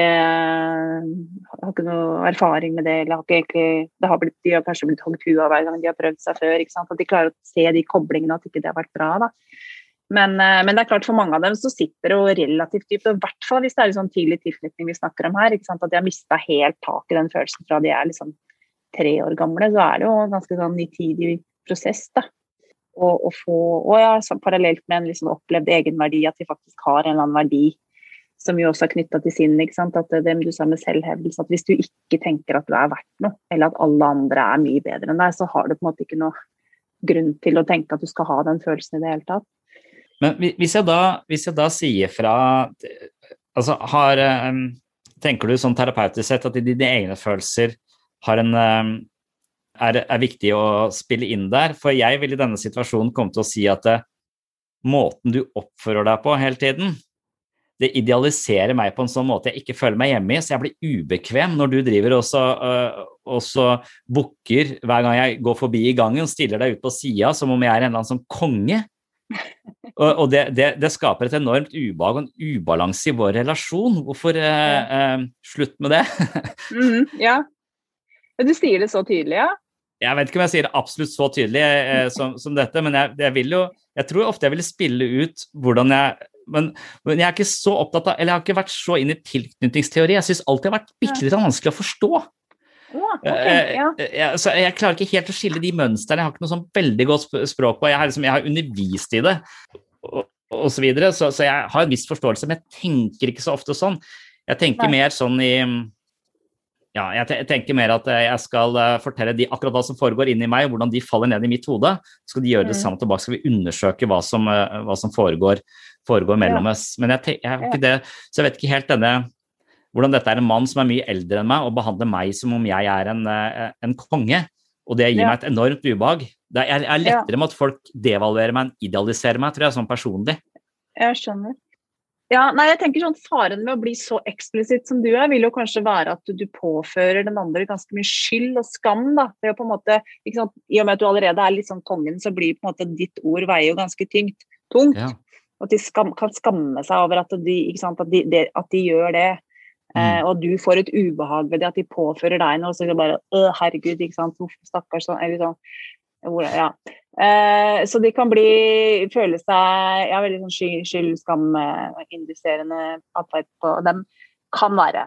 Så for å unngå det, så må det jo være mer en sånn, sånn som du sikkert gjør litt med er litt sånn utforskende, litt sånn Eller sånn som vi gjør i CDP, og sier sånn Legger du merke til at hver gang jeg går forbi deg gangen, så bukker du? Legger du merke til at du gjør det? Og så kan vi undre oss litt over hvorfor, hva er det som gjør at du holder på med det, liksom? Kan vi utforske det litt sammen? Hvorfor, hva er det som gjør at du, at du har et behov for å liksom plassere meg litt opp på det? Det blir jeg nysgjerrig på. Mm. Eh? Hvorfor, hva, hva er det som gjør at du Hvorfor blir det sånn? Ja. Eh, mer som en sånn utforskende prosess, da, terapeutisk, enn påpekende, kanskje. Mm. Fikk du litt å tenke på? Nei, for jeg, ja, for jeg tenker, jeg har vel alltid tenkt at um, i hvert fall i sånn ISTDP-forstand, at det er ofte skyldfølelsen som kommer som en sånn blokade av uh, Mm. selvhevelsen eller sinnet. Mm. Eller Mm. det er i hvert fall Når jeg snakker med ISTDP-terapeuter, så, så snakker de ganske mye om aggresjon, og de snakker ganske mye om hvordan skyldfølelse lett kommer inn og dreper den, uh, den kraften. Mm. Ganske sånn, uh, ja. Ja. De unnskylder seg på en måte før de har gjort noe gærent, da, fordi de er ikke i, i kontakt med det sinnet i det hele tatt. Ikke sant? Hvis det har vært sånn at du er en da tilknytningsperson for denne, denne fyren du beskriver, Mm. og at han har vært utsatt for mye krenkelser eller kritikk eller et eller annet, så skulle man jo tenke at deep down så er han egentlig ganske kunne han potensielt sett vært ganske forbanna på deg, men den følelsen kan han jo på ingen måte kjenne på. Så istedenfor å kjenne på det, så ja, unnskylder seg Mm. nesten før han i det hele tatt har gjort noe. ikke sant? Og, og Mm. det er klart det er ubehagelig, for det er jo noe projektivt her. ikke jo, du har jo ikke gjort han noe, eller du skulle tilsi at han trenger å booke for deg, men det er i kraft av den autoriteten du har, eller så minner du han om et eller annet som han må bukke for. da, og det mm, Ja. Så det er jo litt, ja, en litt sånn ISDP-tolkning. men jeg tror den et, Hvis man har liksom tilknytningsbrillene på, da, så tenker jeg den er ganske sånn eh, reell. da, Og at man ikke liksom skal bite på bite på det. Men det er, det er vanskelig, da. Og jeg hører at du blir Det er ubehagelig. Det er jeg enig i. Det er litt sånn ubehagelig å både bli idealisert Og jeg er ikke så glad i å bli kritisert eller, eller devaluert heller, jeg, da. Men, men det er ubehagelig, ja. Og du kjenner at du får lyst til å liksom gjøre et eller annet for å utligne den der forskjellen. Mm. Det kommer Ja. gaver og sånn, ikke sant. Det er egentlig ikke lov. Ja. Så, men, eh, men, eh, men en annen ting som jeg eh, eh, lurer på når jeg snakker med eksperter på følelser, det er dette med jeg, jeg tror det er Paul Ekman som jeg har det fra, det der med å være gjennomsiktig. OK. Jeg, jeg er ikke sikker på, men jeg tror jeg leste kanskje Paul Ekman via Daniel Goldman på destruktive følelser. Mhm. Hvor det var en sånn krets rundt Dalai Lama, og de forsket de på de munkene, og hvordan de håndterte Hadde alle disse Så, så da var vel Paul Ekman inne fordi han er så flink til å utlede disse ansiktsuttrykkene eller følelsene synes i ansiktet Mm, mm. eh, på, på mange måter. Så, eh, så, så lurer jeg litt på sånn som eh, i rollen som Ikke nødvendigvis som terapeut, da, men som pappa. Ja. Jeg liker det programmet til hun Live Nelvik, for det, jeg kjenner meg sånn igjen i den frustrasjonen. For det Mm. pedagogisk riktige med å hele tiden ut Ja, det, det pedagogisk riktige, det akkurat som det ikke helt passer meg alltid. Altså at, jeg, at jeg har en slags ideal om at de skal, de skal få lov til å se hva jeg føler. Uh, Og når jeg blir sint, så blir jeg sint, på en måte. Jeg skal ikke utagere det, men jeg, jeg skal ikke heller prøve å skjule det. Jeg, jeg, jeg, jeg tenker at Hver gang jeg prøver å skjule en følelse for å følge det rådet som står i den boka, så blir jeg litt sånn falsk. Mm. Eller det er i hvert fall en sånn opplevelse jeg kan ha, at jeg må i hvert fall uttrykke litt først hva det er som egentlig koker her, og sånn, Mm. få det i rommet så, det, så de ikke trenger å lure på det. da. Sånn at, eh, at de, de, kan, eh, de kan se det. Jeg skal ikke liksom bli veldig oppfarende og voldsom, men jeg, jeg, jeg kommer til å jeg, jeg, så jeg prøver å være gjennomsiktig. Jeg tror jeg kanskje jeg prøver litt i terapi også, å være gjennomsiktig. Mm. Ja, og det er jo, ikke sant, det er jo, det har jo all, Alle sånne ting kan jo ha både fordeler og ulemper. Men jeg, altså, jeg tenker jo også det at man altså man er gjennomsiktig i den forstand at man, man er ærlig på, på hva man føler på innsida. Ja. Eh, og så er det noe med hvordan det kommuniseres. og Hvis man klarer å kommunisere det på en måte som samtidig signaliserer jeg er ikke truende, jeg kommer ikke til å skade deg, men jeg kjenner at jeg har denne følelsen på innsida. Det er min Mm. følelse, men hvis du, når du gjør det, så kjenner jeg at det er det som skjer med meg. på en måte. Mm. Og Det er en, det er jo en fin måte å lære hva som vekker opp sinnet hos andre, og hvis det er en sånn rimelig grunn til å altså Hvis de Mm. gjør ting, tøyer grenser eller hva det enn det er, så er det en naturlig konsekvens av den atferden. Men jeg tror det viktigste er på en måte at du ikke sant, At ikke du blir en som uh, skaper unødvendig mye skyld hos den andre, eller uh, Men mer som en sånn Det kan jo gjøre på en, veldig, på en måte litt sånn pedagogisk riktig måte selv om man er i en følelse. Og hvis man Mm. ikke har kontroll på det, eller at det kommer ut altfor brått, så tenker jeg da er det i hvert fall viktig at man etterpå også kanskje sier ja, nå jeg, Kanskje jeg ble, fikk en litt for sterk reaksjon her i forhold til den, eh, det du gjorde akkurat der. og at man liksom kan reparere litt hvis man har, opp, altså hvis man har skremt den andre parten litt. da. Men det er en sånn grenseoppgang, det der med hvor, man, hvor gjennomsiktig man skal være. Ja, som forelder er det jo det er akkurat sånn, sånn der, er det greit, Hvis man er lei seg, er det greit å gråte overfor barna sine, f.eks. Sånn at barna føler at de må trøste deg. Ja, nei, det blir jo Eh. veldig ubalansert. Ja. Ja, jeg føler vel at jeg kan ta ansvar for mine egne følelser. Sånn at Ja. det, at det men, men jeg Det er vel det der å late som om jeg er noe jeg ikke er, eventuelt. Det er det, der, Ja. men, men jeg skjønner hva du Jeg er noe enig i det du, det du sier. Jeg, jeg, jeg, for jeg merker jo selv når jeg blir projektiv, jeg merker jo selv når jeg har mista kontrollen på følelsene, eller jeg har sånne flagg Hvis jeg, hvis begynner å bli sånn halvironisk overfor barna, på grense sarkastisk, da kommer Ja. jeg til å bli ganske fly forbanna om fem minutter. Så det er sånne Ja. flagg jeg planter ut, hvor jeg ser ja. eh, ja, eh, Sarkasme er et slags forstadie til ganske sånn eh, det, Ja. ja, det, det er en måte å være passivt aggressiv på. Så, Eller å bare sånn som eh, jeg tror jeg og en del andre mødre kan bli bare sånn stille og, og Ja. unnvikende og ikke svare eller sånn. mm, Som er litt sånn straffende måte å være sint på, da, uten at du kommuniserer noe annet enn bare en sånn kjip stillhet, liksom. ja, og det er vel det Eh, det de som har mest makt gjør, de driver og induserer skyldfølelse i andre folk. Det er jo en Ja. måte å kontrollere dem på. Definitivt. Ja, den Ja. er veldig Ja, ikke sant. Og den er så subtil òg, for du, liksom, du kan ikke ta Det er ikke nødvendigvis noe som er artikulert, men det er bare en Nei. sånn mellommenneskelig Ja. greier vi holder på med som, som er vanskelig å, adressere hvis man ikke skjønner det. da. Og har det språket for det, liksom, og skjønner litt hvordan skylden liksom fungerer mellom oss mennesker. Og, Ja. eh, Du, kunne jeg spurt om akkurat det? Det er skyldfølelse blant på lista di. Mm, Ja. Jeg har hørt noen si til meg de som klarer å håndtere skyldfølelse, de er de som er mest psykologisk modne. At det er Ja. en av de vanskeligste følelsene. Hva, hva Mm. kan du si om skyldfølelse? mm. Oi, mye. eh, En av de mest psykologiske modne. Mm. At det er en Ja, komplisert følelse, at du er ganske moden Ja. når du klarer å håndtere den på en god måte, da. Ja. Mange syns jo at det skyldfølelse er en av de mest ubehagelige ved siden av skam og sånn, og en av de mest ubehagelige følelsene vi har. For den er eh, på, altså Hvis man er i kontakt med at man påfører andre noe vondt, så skal man jo i utgangspunktet kjenne det litt sånn smertefullt, at man skal få behov for å reparere og sånn. Men av en eller annen grunn så er det vanskelig å si unnskyld, eller vanskelig å liksom erkjenne at man har gjort noe feil. For det, hvis man i utgangspunktet har en, jeg tenker så hvis man i utgangspunktet er trygg, har en trygg tilknytning, Mm. er, har en stabil selvfølelse, sånn at jeg er et godt og verdifullt menneske litt uavhengig av hva jeg gjør, men jeg kan gjøre feil, så tenker jeg det er mye lettere å kunne si beklager, jeg dreit meg ut, liksom. Sorry, det var ikke meningen. Og Mm. allikevel ha min, hva skal man si, verdighet eller ære i behold, for jeg vet at jeg tross alt er et godt menneske da. Men hvis Mm. jeg er utrygg eh, på meg selv, og utrygg på om f.eks. hvis jeg gjør noe feil, så kommer den andre til å gå fra meg. Mm. Eh, eller hate meg, eller slå meg, eller et eller annet så blir jeg jo livredd for det. Og sånn at istedenfor å da kunne liksom si, ta på meg den der rollen å være den som, som og, og risikere å bli avvist, så, så blir jeg sint isteden. Eller jeg nekter å erkjenne at jeg har gjort noe gærent, eller jeg driver og finner masse måter å beskytte meg på. Mm. Eh, i, for, fordi jeg tror, det noen, jeg tror at det på en måte gjør at jeg bevarer den andre. Mens egentlig gjør jeg det helt motsatte. Egentlig så bare bidrar det til å skyve den andre vekk. Da. Men jeg tenker igjen det der hvis man ikke har, og som foreldre sant, at hvis man ikke har foreldre som evner å reparere eller evner å komme tilbake og si unnskyld, så har man heller ikke lært, man har ikke noe språk, man vet ikke hvordan man gjør det. Så man blir bare helt sånn fanga inn i det. Og, og en strategi mange gjør, er jo da å unnvike å trekke seg tilbake, f.eks.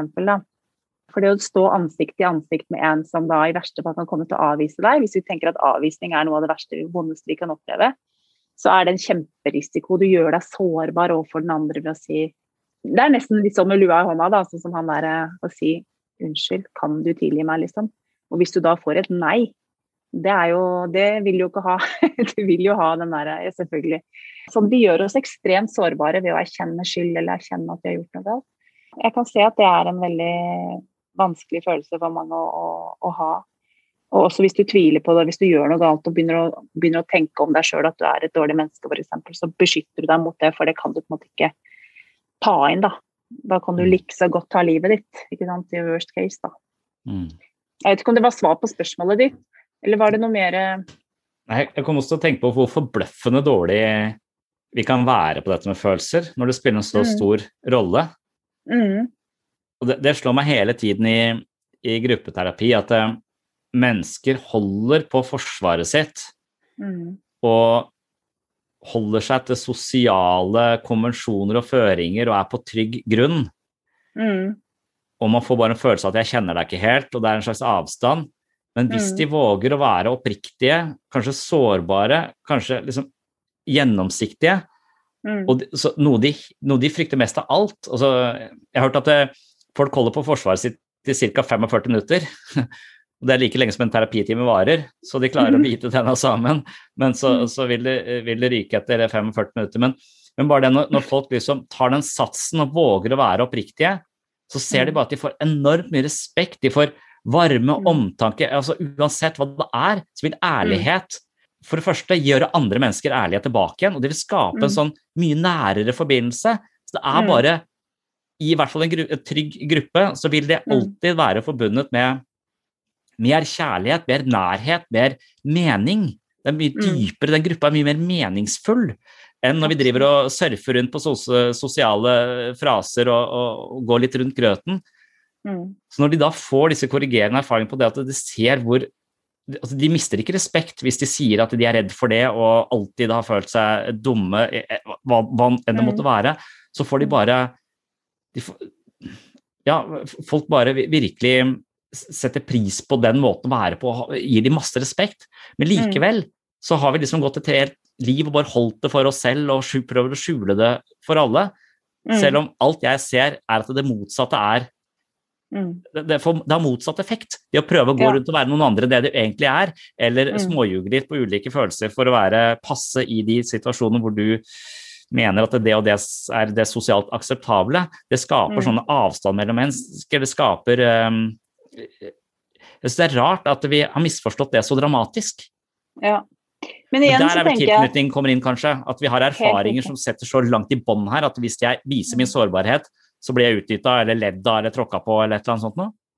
ikke tålt, ikke tatt imot. Ja. Ikke sant? Hvis, jeg viser det, hvis jeg viser det, så er eventuelt noe av det verste, ikke sant? så er det ingen der. Mm. Hvis jeg, hvis jeg liksom jeg, jeg kommer ut med noe i gruppa, så blir det bare stille, eller det er ingen som responderer. Det er mange som sier det er, det er så jævlig ubehagelig. Jeg Jeg kommer ut med noe, så er det bare stille. Du Mm. aner ikke hva som foregår inni alle de huene der. Det er nesten, nesten hva som helst er bedre enn den der stillheten. Ja. Og det tror jeg en del pasienter har erfart, at om de har det vondt eller sånn, så er det, det er ikke noe apparat som tar det imot. Nei. Eller at de blir avvist i den der 'slutt å sutre av de der drittungene', ikke sant? eller et eller annet sånn hardt Mm. som kommer idet du er sårbar, eller sint for den saks skyld. At uh, her, i familien, her i familien hever vi ikke stemmen. Sånn, ikke? Så det kan være mange varianter, men avvisningen er liksom den samme opplevelsen av å bli overlatt til seg sjøl med de der vanskelige følelsene er den samme. Og den tror jeg er så, Det er den der smerten som jeg tror ligger til bånd for hvorfor vi blir unnvikende dette her. da. Det gjør så jævlig vondt å bli avvist. Ja. Det er liksom for mange det aller, aller vondeste.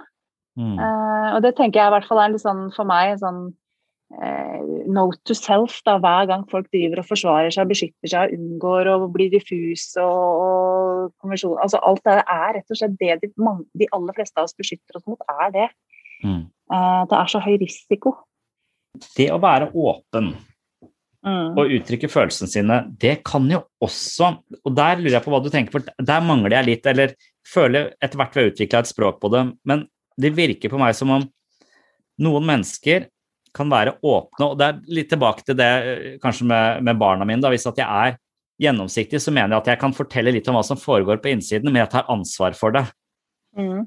Og idet jeg har utagert følelsene mine, så føler jeg at jeg fortsatt viser dem hva jeg føler, men jeg har lagt det i fanget på dem. Mm. Eh, og det, det må man reparere. Uh, altså jeg, Mm. prøv, jeg gikk i skyldfølelse, for nå er jeg så irritert på at de ikke kommer oss ut av det jævla huset. Uh, Mm. Og det er bare fordi de driver og roter rundt og ikke klarer å komme seg ut i gangen. Så, så, kan, så da, da har jeg denne men, men noen mennesker sier at ja, men jeg er åpen om følelsene mine, men folk blir bare så lei av meg. Så, så jeg lurer på om det er en forskjell på å være oppriktig med hvem du er. For, hvis, for min erfaring, hvis du gjør det på en sånn måte og tar ansvar for følelsene dine, så skaper du nær relasjon. Mm. Men du kan også gjøre det på en sånn måte at du indirekte lar Eller forventer at den andre skal bære deg, på en måte. Mm. Så du blir Mm. en belastning istedenfor å skape en, et rom for nærhet og oppriktighet. Vi to kan snakke sammen. Jeg kjenner litt sånn på samme som deg. Mm. Dette, dette, altså Du skaper et rom for, for å, å undersøke dette sammen. Så Mm. kan noen tro at de er åpne med egentlig, så legger de følelsene sine i fanget på andre og forventer å bli ivaretatt på en eller annen måte. Og at Ja. det er der de brenner ut vennene sine. Men jeg vet ikke Ja. helt hvordan, om de ser Jo. forskjellen på det. Den er så subtil, den forskjellen også. De snakker jo om følelsene sine, men noen legger det i fang på andre, mens noen viser hva de har i posene sine, og tillater den andre å komme nærmere, og de føler seg Mm. kanskje eh, ja, de føler seg som eh, til hjelp. De får en god Mm. følelse av å være der for den andre, istedenfor å bli belasta. Ikke sant? Det blir, da, i, det, I beste fall så bare virker det forsterkende på, på relasjonen, og at det er godt å på en måte få lov å være den andre som bryr seg. og sånn. Ja. Så det er det, det er good news med de som på en måte, ikke sant? Jeg tenker sånn med personlighetsproblematikk, da, de som er av mer sånn ustabil art, eller en, si enda verre, med av, avhengig, mye sånn avhengige trekk. Som oppleves mye mer sånn needy og klamrende i relasjonen. At man liksom blir liksom spist opp fordi at de er så De trenger på en måte en, en slags bekreftelse, de trenger på en måte den ytre reguleringa til stadighet. Så er det som om det bare siler igjennom, det fester seg ikke helt. eller og de evner kanskje ikke heller i særlig altså De blir liksom selvsentrerte i det. De evner ikke å gi så mye tilbake. Mm. Hvis de på en måte hadde klart i den derre å si liksom at jeg har det så vondt og vanskelig, og han såret meg, og det er vanskelig, og så får du den trøsten du vil si, og så klarer du å si tusen takk, det, det hjalp skikkelig at du sa det, og, By the way, hvordan går det egentlig med deg? Mm. Hvis du hadde fått en sånn følelse av en slags gjensidighet. Mm. Takk for at du spør, liksom. Det går bra med meg nå, men jeg skal komme til deg når jeg trenger noe. Men det er den der at det blir skeivt. De blir needy, de trenger, de suger ut krefter fra deg, men de gir egentlig ikke noe tilbake. Så det vil jeg tenke kanskje sånn, er mer sånn relasjonelt tema, selv om, selv om behovet kan ligne på en måte på to forskjellige personer, men det er noe med måten de håndterer eller gir tilbake på som kanskje vil være veldig forskjellig. da. Mm. Du føler deg mer brukt og, og sugd ut av noen krefter av, mer enn at du kjenner at å, vi to liksom, vi er nære, vi kan liksom gi og støtte hverandre. Det er en annen dynamikk, da. Som det vil være mer sånn trygge, trygge, trygge, trygge stabile relasjoner er mer preget av enn en de som er litt mer sånn skeive og mer sånn, ja, som er sånn avhengig tematikk. Mm. Hvis det ga mening. Ja, det, det får meg til å tenke på transaksjonsanalyse, som jeg husker var terapeuter som drev med her, eh, eller var opptatt av. Mm -hmm. Kjenner du til den Eric Byrne og sånn? De var innenfor denne transaksjonsanalytiske, men de oversatte egentlig bare Freuds eh, topografi med dette med ego, superego, id. Så gjorde de det mer sånn selvhjelpsaktig, hvor de skrev at, det, at ego det er en voksen person, id er Ja. barne, eh, barnemodus, og Mm. superego er voksenmodus. Og så Mm. vil du i, i, i møte med noen som snakker fra en barnemodus, bli tvunget opp i en foreldremodus. For, for det, det krever en form for ivaretagelse og støtte på en så Mm. subtil måte. Mens du kan også møte mennesker hvor du selv er, bare uttrykker på en fin måte at åh, nå er jeg lei av det, og det er slitsomt sånn og sånn. Men så hvis de Mm. da går inn i en foreldremodus, så gir de deg råd og begynner å, å guide deg. Så de, de stiller seg over deg istedenfor å møte deg på like Ja. fot. Altså de skaper ubalanse i, i relasjonen. Så jeg tenker at det er det at vi Ifølge den teorien så snakker du alltid fra en modus. Du, Ja. du opererer enten fra barnemodus, voksenmodus eller foreldremodus. Eh, Mm. og, og hvis du ikke møter voksen møter voksen, så blir det en eller annen form for ubalanse eh, i, i, i ulik grad. Så jeg innbiller meg kanskje at de som uttrykker følelsene sine på en sånn måte at det blir belastende, går inn i en type barnemodus eh, i, Ja. i, i henhold til denne teorien, da, som eh, Ja, ja. sikkert er litt sånn halvsketsjy, men eh, ja. Ja, men det kunne vært interessant å spørre når du spør, når du da, hvis du skulle speile litt på det, så når du sitter her liksom sammen med meg nå, liksom, hvor gammel føler du deg, liksom?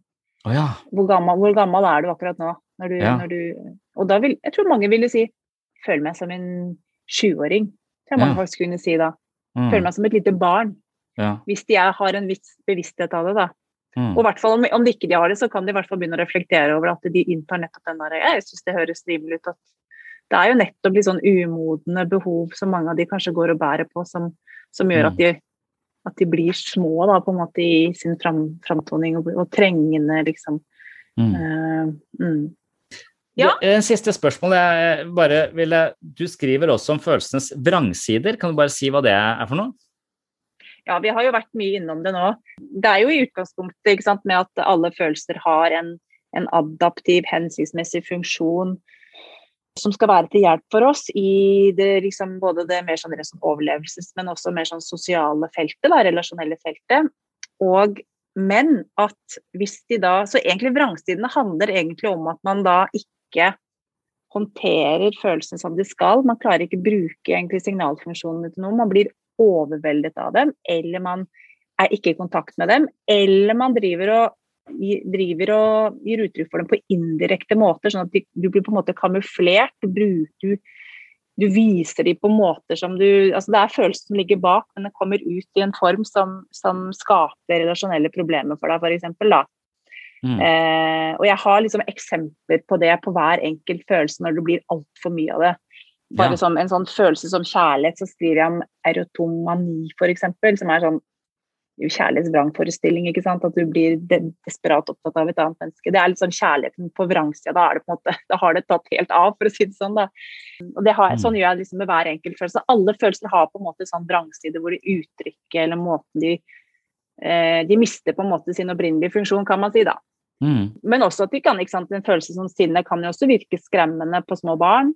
Misunnelse kan jo på en måte, altså Det er noe med den effekten. De kan virke liksom skape ubehag hos andre rundt oss når vi gir uttrykk for dem. Mm. Så alle følelser har jo på en måte i hvert fall de litt ubehagelige. Og de, er, de kan ha en vrangside også i det de bare kjennes ubehagelige ut og bærer på. Mm. Og med en stor sorg, f.eks., som ikke gir slipp. Eller, ja. Så det er liksom både ubehaget på innsida og hva det gir i forhold til andre som er vrangsidene. Da. Vi skulle hatt den boka di for noen år siden. Da, da gikk jeg sammen med en annen terapeut her. Jeg prøver å jobbe sammen med folk som tenker annerledes enn meg selv, for at da kan jeg liksom lære, lære av de. Men det vi skulle gjøre sammen, det var at vi skulle uh, ha det jeg kaller biblioterapi. Vi skulle ha slags sånn temagrupper som jeg driver er Mer sånn altså, så psykoedukative grupper som baserer seg på dialog, og ikke på at man skal bare snakke om et tema, men har lest noe i forkant. og så da prøvde jeg å gå gjennom alle følelsene, tok én og én følelse hver gang. Men vi manglet nok litt kjøtt på beinet. Ja. Eh, Så da skulle vi hatt i en bok og så sett og så bare satt oss inn i alle aspektene ved denne følelsen. For det kan jo være Mhm. et ekstremt nyttig. Hvis ikke vi kan se det, gi det et språk, så vet vi ikke Da, da vil det jo bare ligge der som en eller annen vag fornemmelse i et eller annet tåkelandskap uten at vi liksom får, får fatt på det. Så jeg tenker boka di er kjempeverdifull som en sånn terapeutisk redskap som kanskje også kunne eh, pasientene kunne hatt nytte av å lese. Eh, og at vi kunne tatt ett og ett kapittel, f.eks., og, så- Ja. og så drøftet eh, hvordan fungerer denne følelsen i mitt liv. Eh, hvordan er den på vrangsiden? Når er den på eh, når, når fungerer den som et, som et fint verktøy og som en, som en veiviser som jeg kan stole på i livet mitt? Ja. Absolutt. Jeg fikk akkurat en hyggelig tilbakemelding eh, fra, fra et miljø i Stavanger som driver, er, har litt sånn affektbevissthetsmiljø, kalte de seg da. Ja. Men de har tatt inn boka mi og bruker den aktivt inn i sånn psykped eh, Ja. eh, i forhold til MBT, men, men med liksom følelsesfokuset, da. Mm. Så de, og der sier de vi bruker den aktivt, og det er flere pasienter som har kjøpt boka. Og, så jeg tror absolutt at Ja. vi i, i klinikken at vi kan bruke den til det. Mm. Eh, lære oss, både oss og pasientene litt, lære oss opp litt, rett og slett, til hvordan vi skal forstå bli kjent Ja. med de følelsene. Så vi er liksom trygge på ok, det er denne følelsen, da, for den har de og de kjennetegn og de funksjonene. og det er, liksom, det er den følelsen. Mm. Litt, vi, mange av oss kanskje trenger å rett og slett lese oss litt opp på det. da. Og, mm. Ja, for jeg har, trener med pasienter også i gymsalen her, og når hjertet slår fortere, så er det noen som eh, tolker det på en eh, måte at det nå Dette er jo helt, dette passer ikke for meg, jeg blir dårlig av det. Nei, du blir sliten, og, og det er bra for eh, helsa di. Så det å tolke det å bli andpusten som et panikkanfall hver gang, da, Mm. da har du jo veldig lite differensiering mellom hva som er eh, Ja. så, så det er jo noen som er på det nivået, virkelig trenger et eh, mer nyansert bilde og mer nyansert forståelse av sitt eget indre liv, som Ja. kanskje kan være noe man kan lese seg til, og da bruke det også inn i, inn i terapi. Så, Mm. Men det psykoedukative har nok en ganske viktig funksjon, det også, selv om det kan bli litt intellektualiserende og litt på avstand. Ja. Men, men det Ja. kan jo være, vi, vi må jo ha begrepene, for vi kan begynne å, Ja. å leite etter det i oss selv også ofte. Absolutt. Mm. Jeg har stor tro på det. Ja. Kjempefint. Takk for eh, praten. Da kommer dette på sinnssyn etter hvert, tenker jeg. Jeg har fulgt litt med på deg. Jeg syns det er mye spennende du holder på med. Så, så jeg tenkte kanskje dette kunne være noe Ja, absolutt. Kjempe. Ja.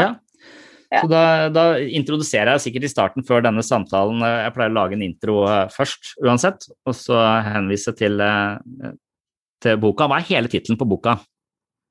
Følelser, kjennetegn, funksjon og vrangsider. ikke sant? Ja. Og det står også, hvis du bare søker den opp, så står det også litt ingressen på nettet, sånn at du liksom Mm. har en slags sånn beskrivelse av hva den er. Mm. Ja. Mm. Ja. Der så jeg også de tolv eh, tolv du hadde valgt ut. Mm. Kjempefint. Ja, men Men eh, da får du ha en fin eh, helg. I like måte. Tusen okay. takk. Ja, ha det bra.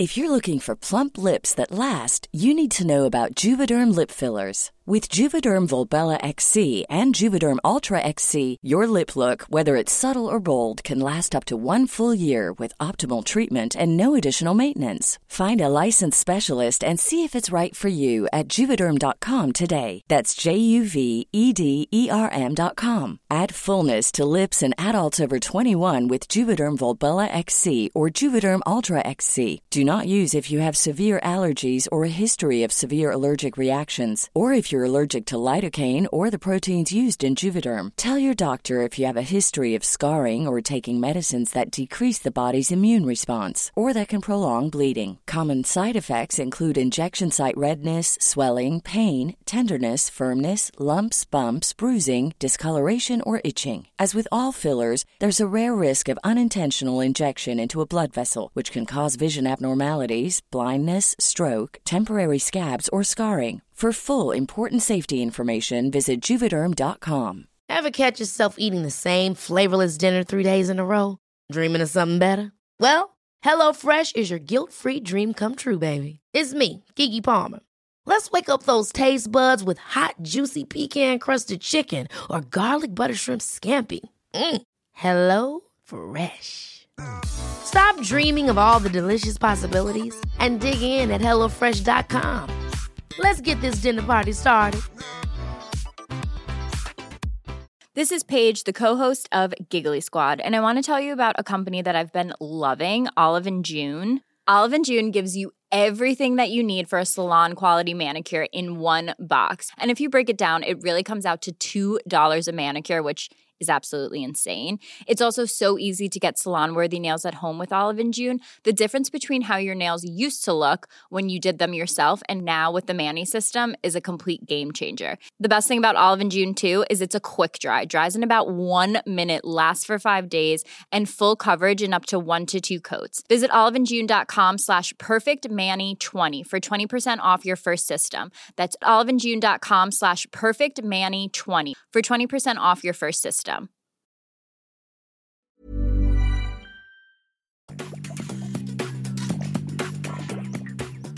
Det var altså samtalen med Tone Nordmann Eide. Vi snakket eh, både litt om følelser generelt, og noen ganger litt mer spesifikt om enkelte følelser.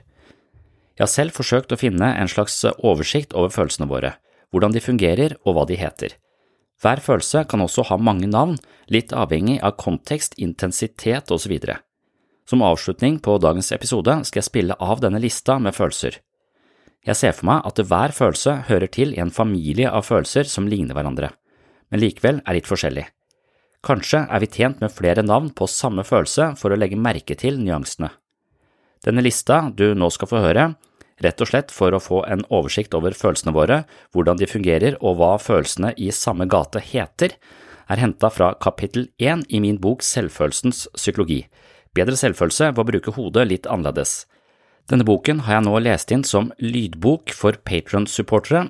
Hvis du vil ha hele boka som lydbok, kan du når som helst gå til www.patron.com for segs sinnssyn og tegne et abonnement.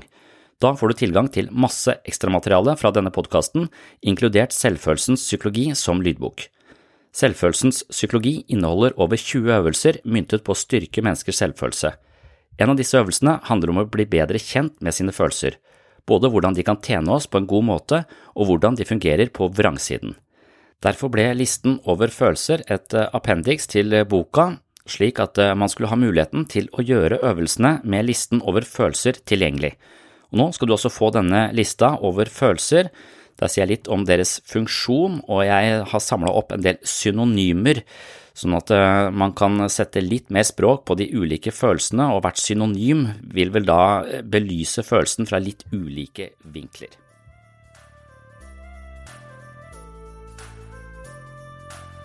Sinne og irritasjon er en kjent følelse for de fleste, men også kanskje en ganske vanskelig følelse å uttrykke på en god måte, og derfor en følelse mange mennesker har en tendens til å undertrykke eller prøve å unngå så langt det lar seg gjøre. Det er også en, ofte en sosialt uakseptabel følelse. Og Synonymer på irritasjon og sinne kan være frustrert, ergret, irritert, opphissa, oppbrakt og hissig, sint, aggressiv, forbanna og rasende. Funksjonen til følelsene i denne kategorien, altså irritasjon og sinne, forbindes blant annet med statusorientering. Hvilken plass har jeg flokken eller det sosiale landskapet? Følelsen melder seg ved behov for å sette grenser eller hevde seg selv. Så sinne-irritasjon er altså en grensesettende følelse, og det er en følelse som signaliserer at vi ønsker en eller annen form for forandring, eller at noen har hindret oss i å oppnå et eller annet mål, og de kan være mer eller mindre berettiga, disse følelsene. Men evnen til å håndtere sinne er ganske viktig for psykologisk balanse. Ja, men svarte balle, da! Hvorfor har jeg fått den her nå? Du sto nærmere fem meter fra krysset her. Det gjør jeg vel ikke? Det gjør jeg vel ikke? Se her, da. Én, to, tre, fire, fem Fem 25, tenker jeg. Fem 25 er det! Blank! Hei, Petter. Prøv å ta, ta litt mer tak i det. Hør nå, altså, Du har jo nå en, en ganske god setning, egentlig. Men du må jo legge trykk på det viktigste. Det er ordet 'blank' skal du ta tak i. Altså, Det var 5-25. Blank! Du får litt trøkk bak det. Og du har sånn, det kommer røyk ut av det? Ja, ja, ja. ja, Altså, jeg lager frosserøyk, jeg. Ja. Ja. 5-25 blank! Ja, det er ikke så gærent, men det er bedre, det er bedre hvis vi har en slags kurve her nå, men det er jo langt fra perfekt. Du, kjenn, kjenn på støtten! Ja, Ja, ja, okay. Kom gjerne med noen spytter. Kjenn på støtten. Ja, nå begynner du for høyt. Du må sette kontrasten opp. Begynn rolig. Det er ja, fint at du begynner rolig. Og så kjører du maks på slutten. Så fyrer du av gjerne en bitte liten pause før gang, så du får trukket. Ok, ok, Ja. 5-25 blank! Der satt den. Der satt den. Yes. Du er stolt av deg? Ja. Velkommen til Typisk deg. I dag skal det handle om sinne. Hjertelig velkommen til Typisk deg! Setter du deg ned, rolig, og holder kjeften, så følger du med. Blank! Ja, sånn, ja. Sånn. Den andre kategorien av våre 16 grunnfølelser heter for tristhet og fortvilelse, og her har vi også en del synonymer som eh, hver især kanskje har noen eh, små nyanser i forhold til dette, denne kategorien av eh, følelser. Og blant eh, synonymene så finner vi bedrøvet og lei seg, vemodig, melankolsk og mismodig, sorgfull, sønderknust, fortvila, trøstesløs eller utrøstelig. Funksjonen til disse følelsene er å anspore til gråt. Følelsesuttrykket forteller andre at en ikke har det bra, og det signaliserer behov for støtte. Gjennom et adekvat uttrykk kan disse følelsene lette smerte og hjelpe oss å akseptere tap. For å behandle ei solbrent leppe. Og mange av dere som sitter i salen her, var i Livigno og så åssen jeg så ut der. Og at jeg hadde store problem. Uh, han gikk på apoteket nedi der. Han kjøpte kremen. Han ga kremen i handa mi. Uh, jeg spurte Fredrik om den klemmen her sto Ja, det var en sønderknust Therese Johaug som møtte pressen i dag, eh, reporter Sturlevik eh, Pedersen. Ja, Johaug fikk i seg anabole steorider ved å smøre det på leppene. Selv sier Johaug at hun ikke visste at leppene var en del av kroppen. Leppene henger faktisk fast til kroppen, eh, og de er liksom plassert på hodet, da. Som er her oppe, og som er på toppen av hele kroppen.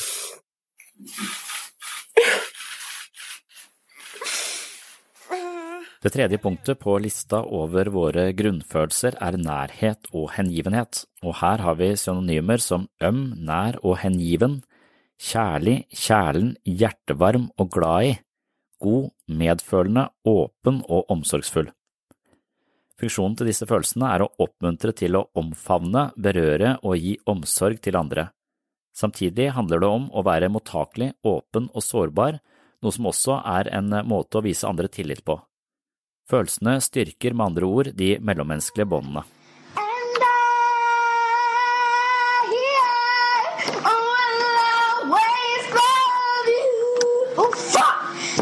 Punkt fire er en kategori som kalles for positive følelser mot selvet.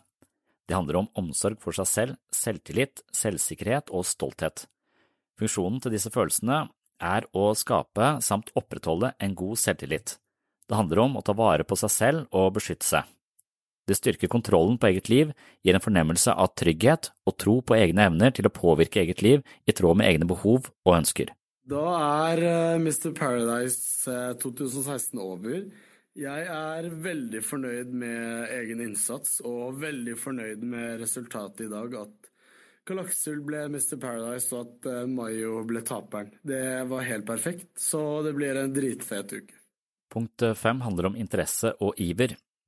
Det betyr altså engasjert, deltakende, nysgjerrig, oppmerksom, energisk og ivrig. I fyr og flamme, glødende, opprømt og gira. Entusiastisk, helhjerta, lidenskapelig og fascinert. Disse følelsene hjelper oss å fokusere oppmerksomheten vår. De pirrer vår nysgjerrighet og motiverer oss for nærmere utforsking. Mange filosofer snakker om at vi er dømt til å skape mening i eget liv, og i den forbindelse er disse følelsene helt sentrale. Følelsene gjør oss involverte, engasjerte og mottakelige for ny informasjon.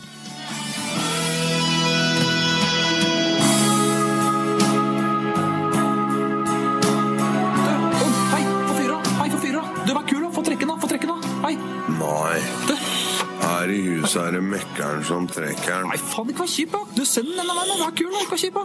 Send den denne veien, da!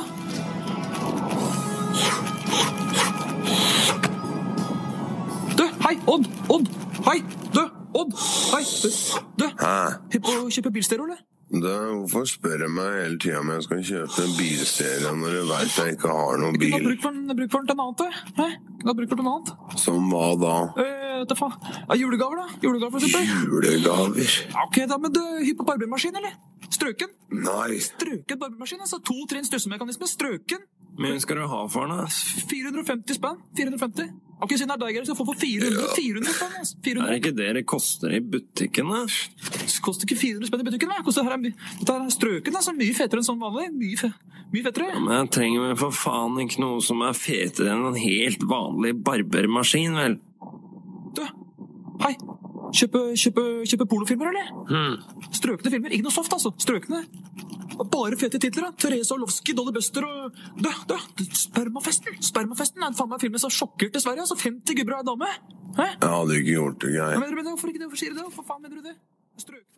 Det var et klipp fra to trøtte typer hvor eh, Odd og Geir ikke er eh, nevneverdig interesserte og ivrige, snarere tvert imot ganske slappe og nedpå, men så har de besøk av Kelle, Kalle som er eh, langt over middels engasjert og ivrig. Og Kalle får også litt hjelp av eh, ulike rusmidler for å holde et såpass eh, høyt aktivitetsnivå.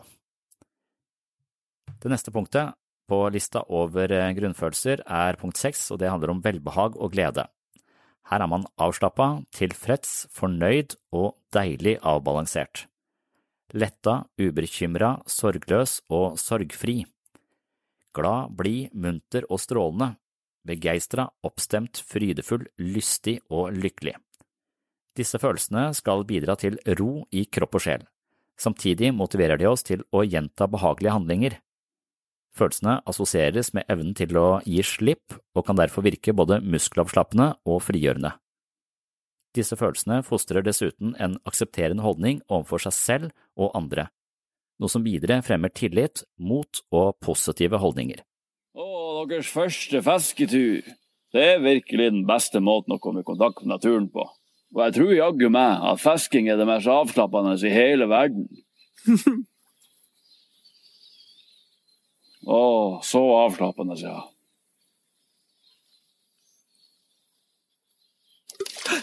Oi, se der! Din første napp allerede. Så flaks. Da er det bare å snurre han inn og få han opp i båten. Kom igjen! Skikkelig fiskflaks. Hey, få han opp i båten, da.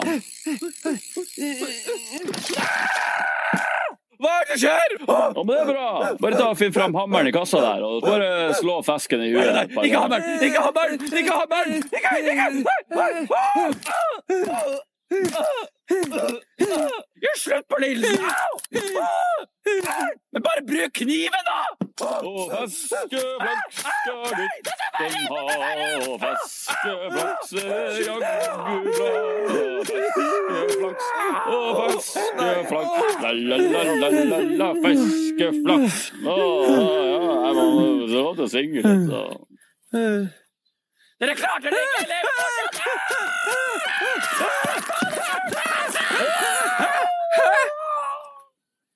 Å nei, slapp han unna. Men ikke tenk på det, altså, det er masse fisk i sjøen. Det er bare å kaste uti på nytt. Vi skal være her i hele dagen. Å, så avslappende. Å. Kategori nummer sju er aktiverende redsel og frykt. Her har vi synonymer som urolig, rastløs, anspent og var, bekymra, engstelig, foruroliget, nervøs, utrygg, redd og forskrekka. Frykt er en selvbeskyttende mekanisme i farlige situasjoner. Følelsene iverksetter overlevelsestiltak, slik at man eksempelvis trekker seg unna. Følelsene setter gjerne kroppen i en alarmberedskap og mobiliserer energi. Følelsene gir indikasjoner på hvordan man bør forholde seg i en vanskelig situasjon. I situasjoner hvor frykten er ubegrunnet eller malplassert, risikerer man at den hemmer livskvaliteten.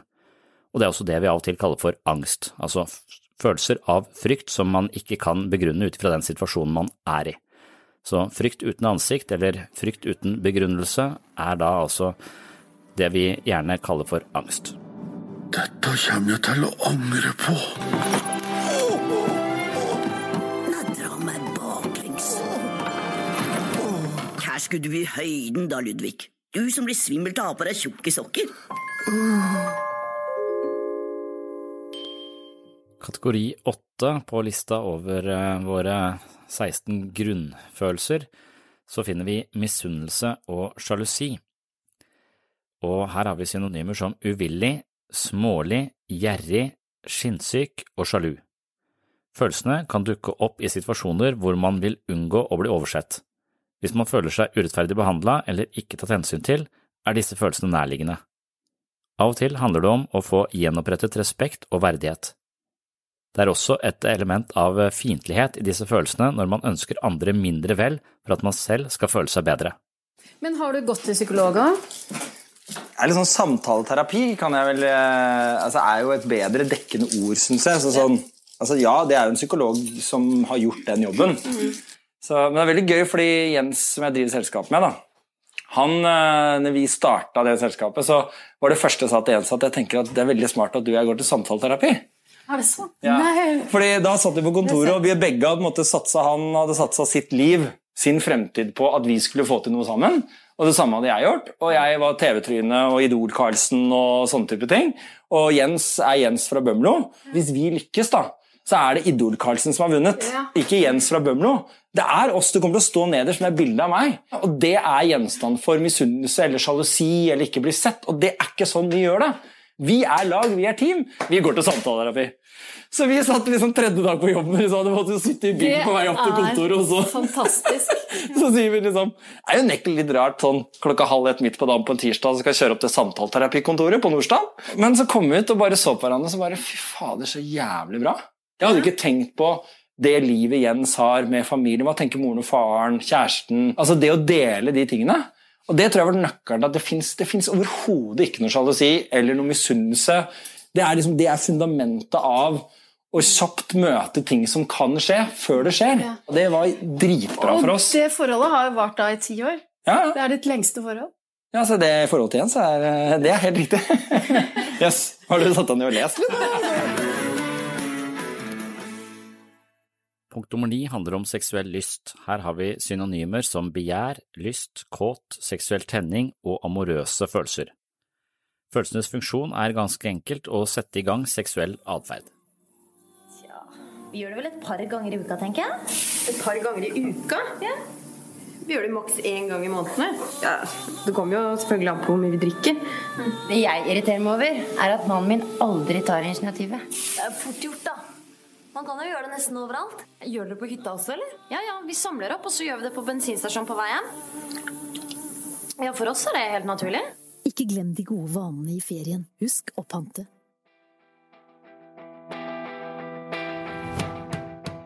De neste følelsene har en hemmende karakter, i den forstand at de får oss til å stoppe opp eller trekke oss tilbake. Og i kategori nummer ti så har vi hemmende redsel, noe som altså ligner veldig på en tidligere kategori som da var aktiverende redsel og frykt, men hemmende redsel kommer fra et litt annet sted i hjernen. I hjernen har vi to sentre som eh, koder for en form for frykt. Vi har panikksentrene, som er eh, redd for separasjon og det å være alene eller bli forlatt, og så har vi fryktsentrene som eh, reagerer på reelle trusler og farer i miljøet rundt oss. Så de ligner hverandre, men de er litt, likevel litt forskjellige. Så i kategori nummer ti, altså hemmende redsel, så har vi synonymene urolig, rastløs, anspent og var, bekymra, engstelig, foruroliget, nervøs, skjelven, forknytt, redd, angst, skremt, forskrekket, livredd, skrekkslagen, lammet av skrekk, hysterisk eller panikkslagen. Disse følelsene skal gjerne stoppe oss fra å gjøre ting som kan være farlige. Hvis følelsene er ute av proporsjoner eller feilplassert, kan følelsen hindre oss i vekst og utvikling både på et personlig og et sosialt plan. Noen greier jeg angrer på, er den greia her karma. Mannen skulderen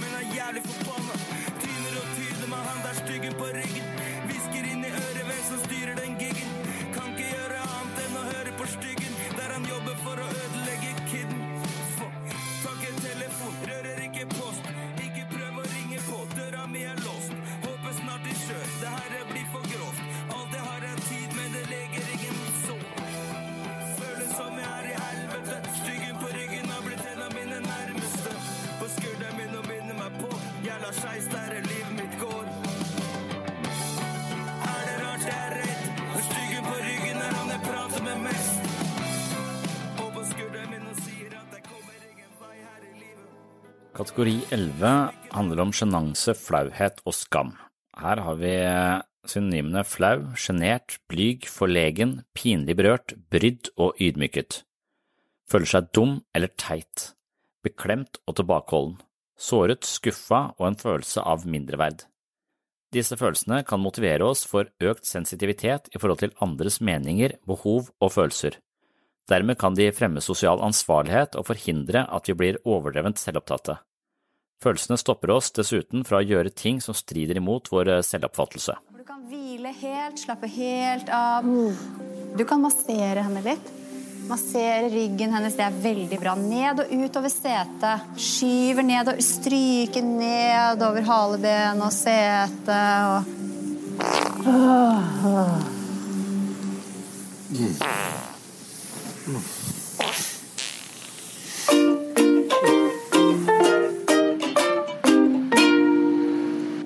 det av Jon, egentlig?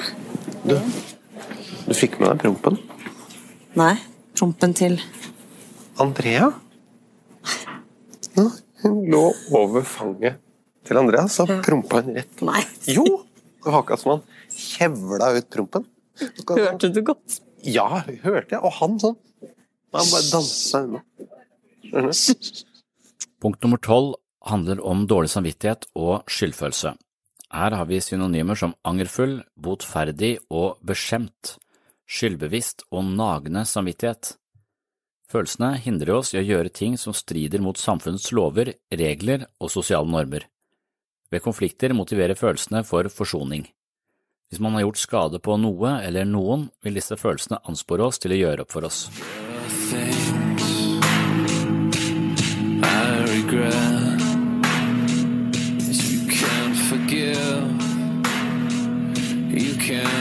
forget. På trettendeplass har vi forakt og synonymene som foraktfull, nedlatende, bitende, kald, spotsk, spydig og giftig. Følelsene skaper først og fremst avstand til andre, de sørger for at man unngår nærhet. John Gottman og kona er kjente for sin eh, forskning på par og parterapi, og de har eh, blant annet eh, etablert noe som kalles for kjærlighetsredet, hvor de har forsket på en hel haug av par og funnet fram til faktorer som gjør at folk holder sammen, og faktorer som gjør at folk går ifra hverandre. Og John Gottman er kjent for at han mener han kan predikere en skilsmisse ved å snakke med et par bare i fem minutter. Og det han ser etter, er noen forhold som normalt sett vil føre til at par til slutt går fra hverandre, og en av de tingene er altså forakt. Så følelsen av forakt, når den sniker seg inn i et parforhold, så er det ifølge Gottmann dømt til å mislykkes. Så forakt en ganske giftig følelse som skaper avstand mellom folk. Er dere flinke til å snakke sammen om følelser? Nei, vi prater jo ikke sammen lenger, og det er ikke min skyld, for å si det mildt. Eh, Den må Tormod ta på sin kappe, for han sier ikke et kvekk. Eller hva sier du, Tormod? Nei. Nei! Klarte ikke engang å svare på spørsmål. Nei, så her i gården så er det jeg som står for pratinga, for å si det ekstremt mildt.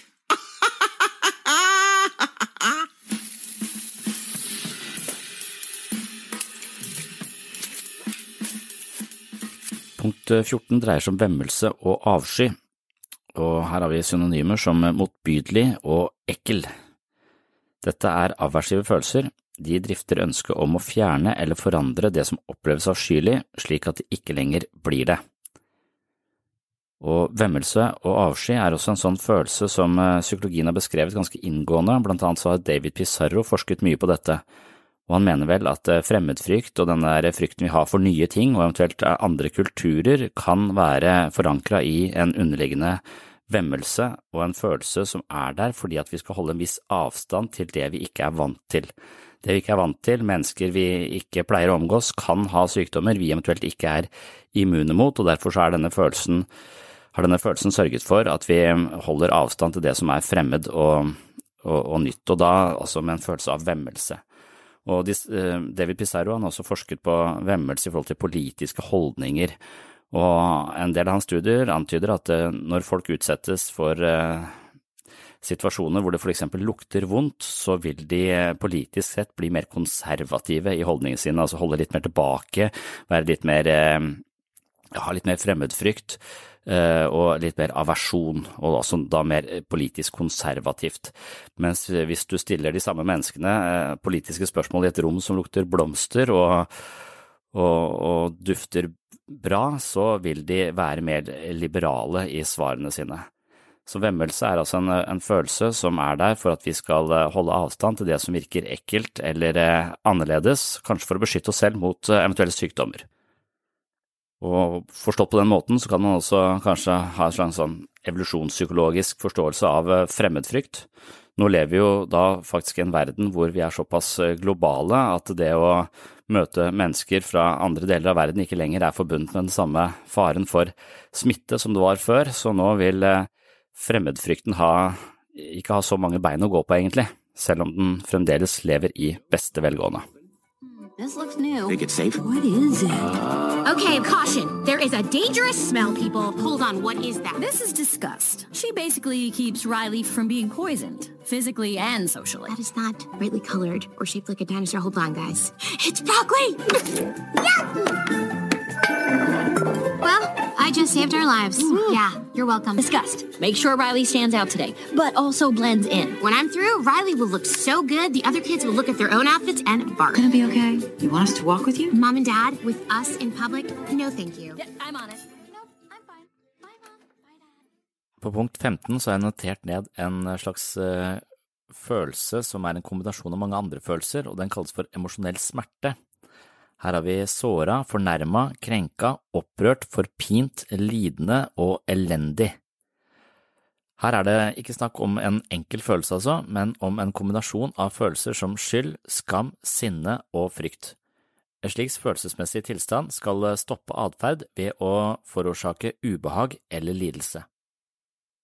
Jeg har tidligere snakket om krenkelser i dagens eh, samfunn, og at krenkelser ligger under denne paraplyen som her kalles for emosjonell smerte, gir for så vidt mening, sånn jeg eh, ser på det.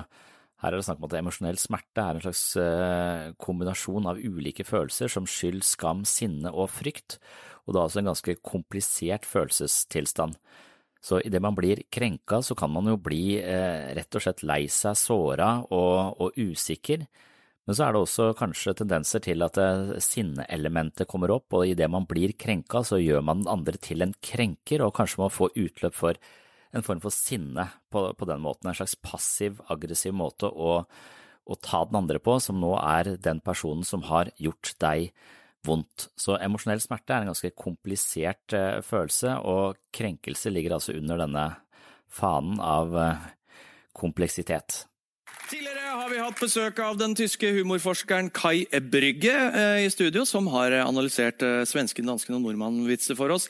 I dag så har du kommet for å analysere en helt annen type vitser. Ja. Nemlig krenkevitser. Nettopp. Krenkenhumor. Ja, ja. krenkenhumor. Det er jo veldig aktuelt å bli krenket i 2018, da. Ja, det er det, men samtidig så er det jo ofte hysterisk morsomt, Martin. og derfor så tenkte jeg å ta en samling med krenkende vitser i dag. De mest krenkende vitsene jeg vet om. Oh, ja vel? Ja, Stevie Wonder-vitser. Stevie Wonder-vitser. Ja, Den så du ikke komme? Nei. Nei, Ikke Stevie Wonder heller, Martin. for han kan ikke se. Han er Nei. blind. Ja, ja. Det... Det, det, er grunnlaget for Stevie Wonder-vitser, Martin. Bare det faktum at han er blind. og jeg spiller selvfølgelig på den gamle vitsen. Har du sett platecoveret til Stevie Wonder? Nei. Ikke han heller. Men han har jo mest sannsynlig vært med i prosessen med å velge ut platecoveret, så ja. han vet nok litt hva det går i, for å si det sånn. Ja, ja han gjør det. Eh, men å tulle med blindhet, det kan jo føles ganske støtende? Ja, absolutt. Han kan jo ikke noe for at han er blind. Og vi som kan se, vi kan nok aldri sette oss inn i hvordan det er å være blind. Eh, men samtidig så er det også hysterisk morsomt, Martin. vet du hvordan foreldrene til Stevie Wonder straffet ham når han hadde vært uskikkelig? Nei. De ommøblerte i stua, Martin. Hysterisk morsomt. Først så ler jeg av at det er en veldig rar måte å disiplinere barn på. Hvorfor kunne de ikke bare stengt han inne i kjelleren som vanlige foreldre? Deretter kommer jeg på å, han er blind! Han kommer ikke til å skjønne hvor ting står i stuen. Han kommer til å slå beina inn, jeg ser for meg foreldre som flytter. Jeg knekker sammen og blir mo i mine knien. Men hvorfor lever jeg av sånne typer vitser? Ja, fordi eh, vi skal liksom ikke le, Martin. Det er noe i hjernen som sier nei, nei, nei, ikke le, men så er det en liten bak som sier å, det er hysterisk morsomt! Men eh, det kan jo være at eh, noen blinde som følger med, blir eh, ganske støtt og ikke syns det er noe morsomt. Absolutt. Og til dem så vil jeg bare presisere at disse vitsene de handler ikke om blinde, de handler bare om Stevie Wonder. Stevie er en rik sanger, Martin, så han tåler det absolutt. ja. Det. Hysterisk morsomt. Ja. Og det er hele analysen din? Eh, ja, absolutt. Jeg har I den siste og da 16. kategorien så har vi følelsen overraskelse, og her har vi synonymene forundra, forbausa, overrumpla, overveldet og forbløffet. Følelsene kan dukke opp i mange ulike sammenhenger, og dens funksjon er først og fremst å kjøpe tid. Følelsen skaper et avbrekk som gir tid til å tenke før man reagerer på noe ukjent eller uventa.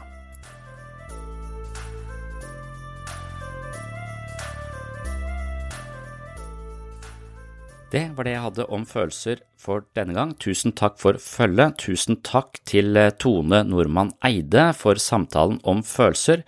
Boka hennes, som altså heter Følelser, kjennetegn, funksjon og vrangsider, den kan du få kjøpt i alle bokhandlere rundt omkring i det ganske land. Og nå er det vel vanligst å handle på nettbutikker, så når, eh, når jeg søkte på boka, så finnes den i alle nettbutikker. Det var det. Hvis du vil ha mer sinnssyn, som sagt, så kan du gå til patron.com for segs sinnssyn. Der finner du masse ekstramateriale. Et abonnement koster fra en femtilapp i måneden, og så kan du øke litt, avhengig av hvor mye, hva slags eh, nivå du vil eh, legge deg på. Ved å støtte meg på Patron, så er du med på å sørge for at jeg kan holde denne podkasten her i gang hver eneste uke. Og det er jeg så takknemlig for. Nå har jeg mange Patron-supportere som sørger for at jeg kan bruke tid hver eneste uke på sinnssyn, og det er jeg utrolig takknemlig for. Så tusen hjertelig takk til dere som er Patron-supportere. Takk til alle dere som har rata podkasten i iTunes, det betyr også veldig mye. Og hvis dere vil ha med dere alt som foregår her på Sinnsyn, så må dere også følge meg i ulike sosiale kanaler. Jeg legger ut en del på Facebook, jeg legger ut veldig mye på YouTube. På YouTube kommer det nye videoer hver eneste uke, så der bør du være abonnent. Og jeg legger også ut en del materiale på Instagram, jeg er også på LinkedIn, så ja, jeg prøver å være litt eh, all over the place, men det er jo podkasten her som er eh, hovedarenaen for eh, det jeg driver med. Takk for følget, og på gjenhør i neste episode. Tjallabais!